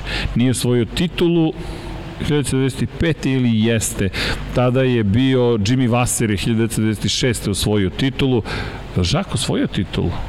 Ne mogu da se setim. Ali je da. stigao 1996. Da u Williams. Da I to je ta bila jedna neverovatna veza zapravo koja da. se stvorila i onda dolazi Tony George, povlači taj smrtonosni potez i zato smo ih izgubili. Inače, razlika je u tome što kaže Deki, imate nekoliko proizvođača slično Naskaru, da. imate par šasija, par proizvođača motora, vi to kombinujete i vozite. Zato je polukup. Ima ih dovoljno da nije kup takmičenje, ali u suštini se svodi na tri velika proizvođača. Pa eto, nadam se da smo odgovorili na pitanja. Ovo za Indikar bilo, bilo zanimljivo. Ne, sad navire svašta nešto, ali recimo... Da, da, da samo se otvore, samo, samo se otvorilo. Da, da inače, e, ček, imamo i, da, predlog, čekaj da vidimo da li imamo još neko pitanje. nisam obratio pažnju na chat, izvinite, danas nisam bio vredan po tom pitanju. Inače, udrite like i udrite subscribe. Jurimo još 153 komada. Dakle, napredujemo polako li sigurno. Ko nije subscribera, sluša nas, pa eto, nadam se da vam je zabavno, dovoljno dobro, da kažete, ok, subscribe ću se, dobijaću informacije od ovih ljudi. Zanimljivih, nadam se. Čekaj da vidimo da li imamo pitanja, da li imamo superse, nisam obratio pažnju. Mm, e, da, Andre, donirao čovjek 25 dirhama. Da li će Red Bull predstaviti novu šasiju u Singapuru? Pa kažu da zapravo neće. Zapravo da je plan da sledeće godine se ide sa novom šasijom, ali i mi čekamo informaciju da to zaista vidimo, da li je tačno ili nije. Navodno će uštediti skoro, već su negde smanjili za 5 kg u Monci navodno, ali ono što mi, i tu su blizu one granice od 796 kg koja je neophodna, ali navodno su te, će pripremiti ovu šasiju za sledeću godinu koliko sam ja razumeo, najnovije vesti po tom pitanju. Tako da, da znate, nije nam loša biblioteka, to je to je nešto od prošle nedelje, ja bih rekao. Ne, nije. Nije vam loša biblioteka. Resničanin donirao 100 dinara. Hvala, hvala, hvala, hvala. Nije nam loša biblioteka. To je ova ovde. Možete da kupite većinu naših izdanja. Koleginica iz prodaje tu zajedno sa fiskalnom kasom. A uvodimo i plaćanje na rate. Kako ovo zvuči, ja? A reci. Koleginice tu sa fiskalnom kasom. I svako ko želi da napusti prostoriju. na kasu prvo pa... da, da, inače, ovde još uvek radi tržni centar, to je radi galerija, a Deki me gleda i ne veruje šta, šta opet činimo, ali najavio sam, obavešteni su ljudi sve okej. Okay. Bar se ja nadam da je okej. Okay. E, čekaj da vidim chat, nisam vidio chat, samo da ispoštujemo ljude. E, sad ćete da vidite kako uživo izgleda kada se čita 200 imena. I da trebalo da podelimo posle čitanja imena, inače će da počnu da beže ljudi. Šta, ništa, ništa, nis, dugo nisi bio. Treba pravimo neki kajron sa tim imenima, znaš je neki Kajron. A ja ću ih i dalje čitati. Ali da ide redu, ide non stop da se, da se vrti Kajron. Stvarno? Pa dobro, može, može i tako. To je mnogo, mnogo je praktičnije. Dobro, jesmo mi najavili trku uopšte? Mi obično kad dođu najave krenemo da pričamo o svemu i svačemu, najavili ali najavili smo. Najavili smo. Ima, ima, ima, ima jedno dva sata. Ništa ima nismo rekli, ja mislim. Nismo, nismo ništa mi trka. Ajmo, aha, okej, okay, dobro, provokacija. Samo da znate još šest trka do kraja. Smijem da spomenem samo kalendar da ljudi znaju kada se već napravila ova Smeš, pauza aj, aj, šta ide dalje. Dakle, pa čisto da ispoštujemo uh, formu najave. Dakle, idemo 2. oktobar, velika nagrada Singapura, 7 dana kasnije velika nagrada Japana, za Suzuka naravno, zatim dve nedelje posle Japana, velika nagrada Sjedinjenih američkih država, staza Amerika pokraj Ostina, sedam dana posle nje, Mexico City, velika nagrada Mexico City-a, braća Rodriguez Autodrom u Mexico City, to je 30. oktobar, Sao Paulo, velika nagrada Sao Paulo, 13. novembar, dakle dve nedelje posle trke u Mexico City-u i Abu Dhabi, velika nagrada Jas Marina, 22. trka sezone i poslednji trkački vikend za Formulu 2, čisto da se podsjetimo da će se oni tada vratiti, to je 20. novembar, a pre toga naravno i veliko finale u Valencija. Čuli ste ovde, dakle idemo na Moto Grand Prix, koliko sam shvatio. Tako da, hoće neko... Zajedno, da. Ćemo za, idemo za... O, ovo je ove koveče, no... Ostajem tamo. e, nije loša Valencija, mogu ti reći. Nije loša. Košarka, futbal, staza, more, Moto Grand Prix, more, more, nije loša klima i tako dalje. Da vidimo šta imamo od pitanja. Da li... Da li može kod nas da gostuje Mirko Rašić? Neovlašćeni serviser, pa zašto da ne, ali van sezone, van sezone. Dakle, to, to ćemo časkamo, verovatno, ljudi, čovek imamo, je bio u pojačalu početkom godine. Spisak, spisak gostiju poprilično ozbiljno. Da. da, i Mirko Rašić, poslušajte njegov intervju na pojačalu kod našeg dragog drugara Ivana Minića, poznati kao Burek. Ko ne zna, burek.com. E, znate šta imamo situaciju? Više lajkova nego gledalaca kakav potpuni i apsolutni hit. Opa! O! E, da, Muhamed Hajdari, niste uopšte spomenuli Haas koji će biti bolji od Alpine i McLarena u kvalifikacijama jer je isti Ferrari. Uuu, ok, hrabra. Ja se nadam da će biti tako. Muhamed ima uvek te neke prognoze Dobro, to je hrabre, da. hrabre. Muhamede, ako smem da kažem da nisam baš siguran da će se to desiti, evo nek da se tako izradim, izrazim, mislim da će Haas opet biti dosta niže nego što se nego što što očekujete. Ti znaš ko ima najbliži krug uh, u Singapuru? Ko ima najbrži krug u Singapuru? Tako je. Ne znam. E, to smo trebali da postavimo kao pitanje ovde. Ko ima Ajde, najbrži krug? Ajde, vraćajte. Čekaj, ajmo da vidimo. Najbrži krug u istoriji u Singapuru. Mora Je zna neko od vas? Kevin Ma... A ja... Ja, fa... Uuu, ovo je bio Burn, uživo, live. Udrite like za Paju, koji spaljuje Kevin svoje Magnussen. prijatelje. Kevin Magnussen, imate sliku sjajnu Kevina Magnusena ovde, ali zanimljivo, nisam znao, vjerojatno u Renault. Jel da? Ne, u Tasu. U Tasu. Kako? U Hasu 2018. Opa, dobro Muhamede, možda nečeg pa, ima u celoj priči. Dobro. Prati Fabulu radi. Ajde, vidjet ćemo. Evo, Mikivoj kaže Magnussen 2018. Tako vidiš ljudi znaju. Da li je pa i dalje sigurno da će Luis zabeležiti pobedu ove sezone, sve manje priča o tome. Pa sad smo pričali, sad smo pričali. garantujemo pobedu u Singapuru. Pitanje 3, vozača 4 titula i jedno prezime. Mala pomoć. Okej. okay. Šta? Pa ne, čovjek pita tri vozača, četiri titule i jedno prezime. Ali nisu svi u krvnom srodstvu. Eto, to je pitanje ovde za publiku. Mada je ovde odgovorio, ali ako ne pratite chat, ne znate. Tako je. Hill. Nisu svi u porodici, ali ok, Phil, Graham i Damon. Da, zanimljivo, to nisam I Karlo Perić kaže, hoće li Mečka nešto napraviti ovog vikenda? Pozdrav iz ZG. Pa, evo ga čovjek, ga, kažemo pobeda. Dakle, mi dalje verujemo da će biti pobeda. Mada, moram ti reći da se zaista gledam ka Verstappenu, mislim da je to, to nezaustavljiva sila. Jednostavno, da oni Red Bull su rekli, to je to. Ovde viče koleginici iz prodaje da prekidamo, a pišu Patreonu da ima neko pitanje sa Patreonu. Ja nisam video pitanje na Patreonu. Ja se izvinjam, je li bilo neko ranije pitanje? Ajde, zaključit će nas ovi ljudi ovde. A... Već jesu. I već jesu, a? Jelena Mak je prokomentarisala da dolazi danas u utorak. Pozdrav za Jelenu! to je Jelena. Nemojte da se stidite. Sasvim je normalno da ja ovaj teram ljudi da se osjećaju neprijatno kada je reč o podcastu. Ali da, da vidimo mi šta još ovde ima. Ja ne mogu da nađem pitanja. Ako možete u četu postavite pitanje, rado ćemo odgovoriti, ali hvala svima za podršku. Pitanje za Deki i Srke za Moto G, G, GP7 zemaljaca za 7 decenija. Sutra to odgovara Master Rima. Master Rima pita kada će Matt Oaksley da dođe da potpisuje knjige. 1. oktobra, 1. decembra, izvinjam se, ne oktobra, to je četvrtak, jeste, bit će potpisivanje knjiga, već je potvrđeno i Paja mu je preporučio hotel u Beogradu gde da ide. Tako da, da, da, da, ja ću da, da mu rezervišem. Tako je. E, šta još imamo? Da, I jesmo to pobedili? Ne razumem. I, i, a, aj vidim za srpske zastave, Srbija i tako dalje, pa cenim ni srpski vozač sigurno još, ali Filip Jenić pratimo šta se događa, pa i bilo koji vozač svojih prostora biće super.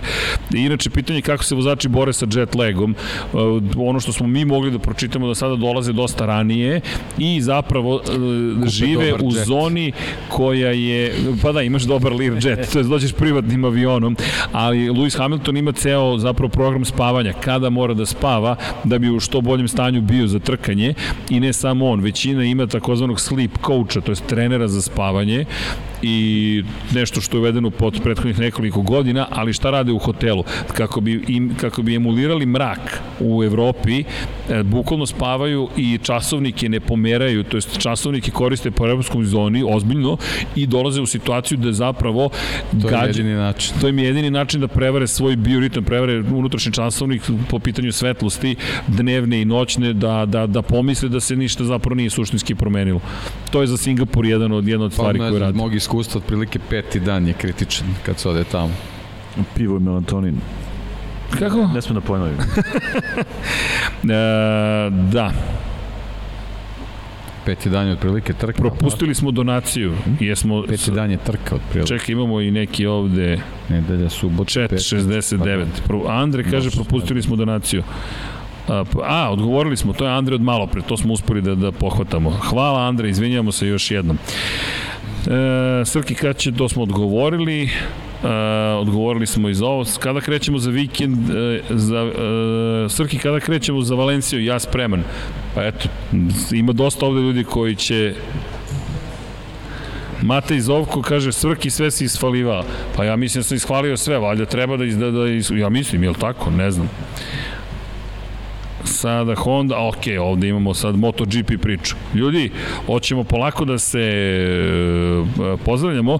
Mateja Pantić, gde da nabavimo Lab 76 nalepnicu? Trenutno ih poklanjamo, obično kada neko svrati do studija ili kupi nešto pa, pa ih poklanjamo, ali, ali smo uspeli da nađemo rešenje da ih zapravo spakujemo kao nalepnice i, i prodamo, pa ukoliko nekog bude zanimalo, eto, da moćete da ih nabavite.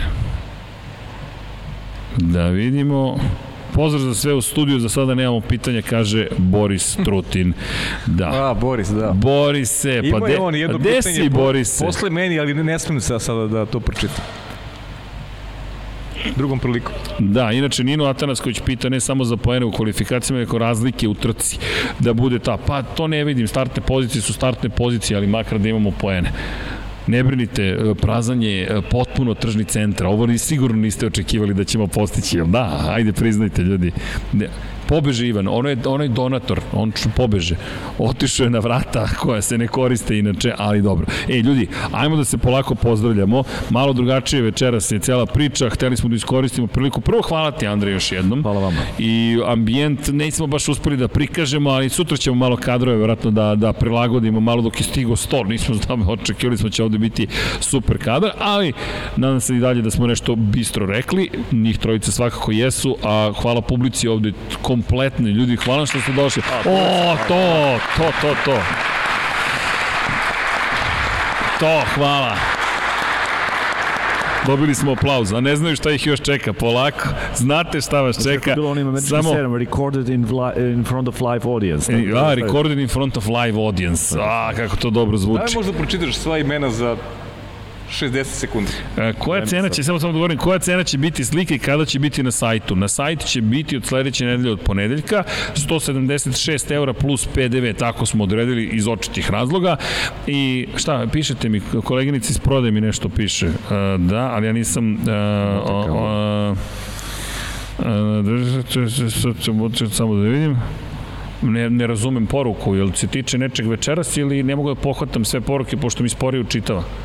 Uh, u dinarskoj protivrednosti, aha, 24.992 dinara sa PDV-om. To po zakonu moram da izgovorim, ali smo do cene došli tako što je 176 eura plus PDV.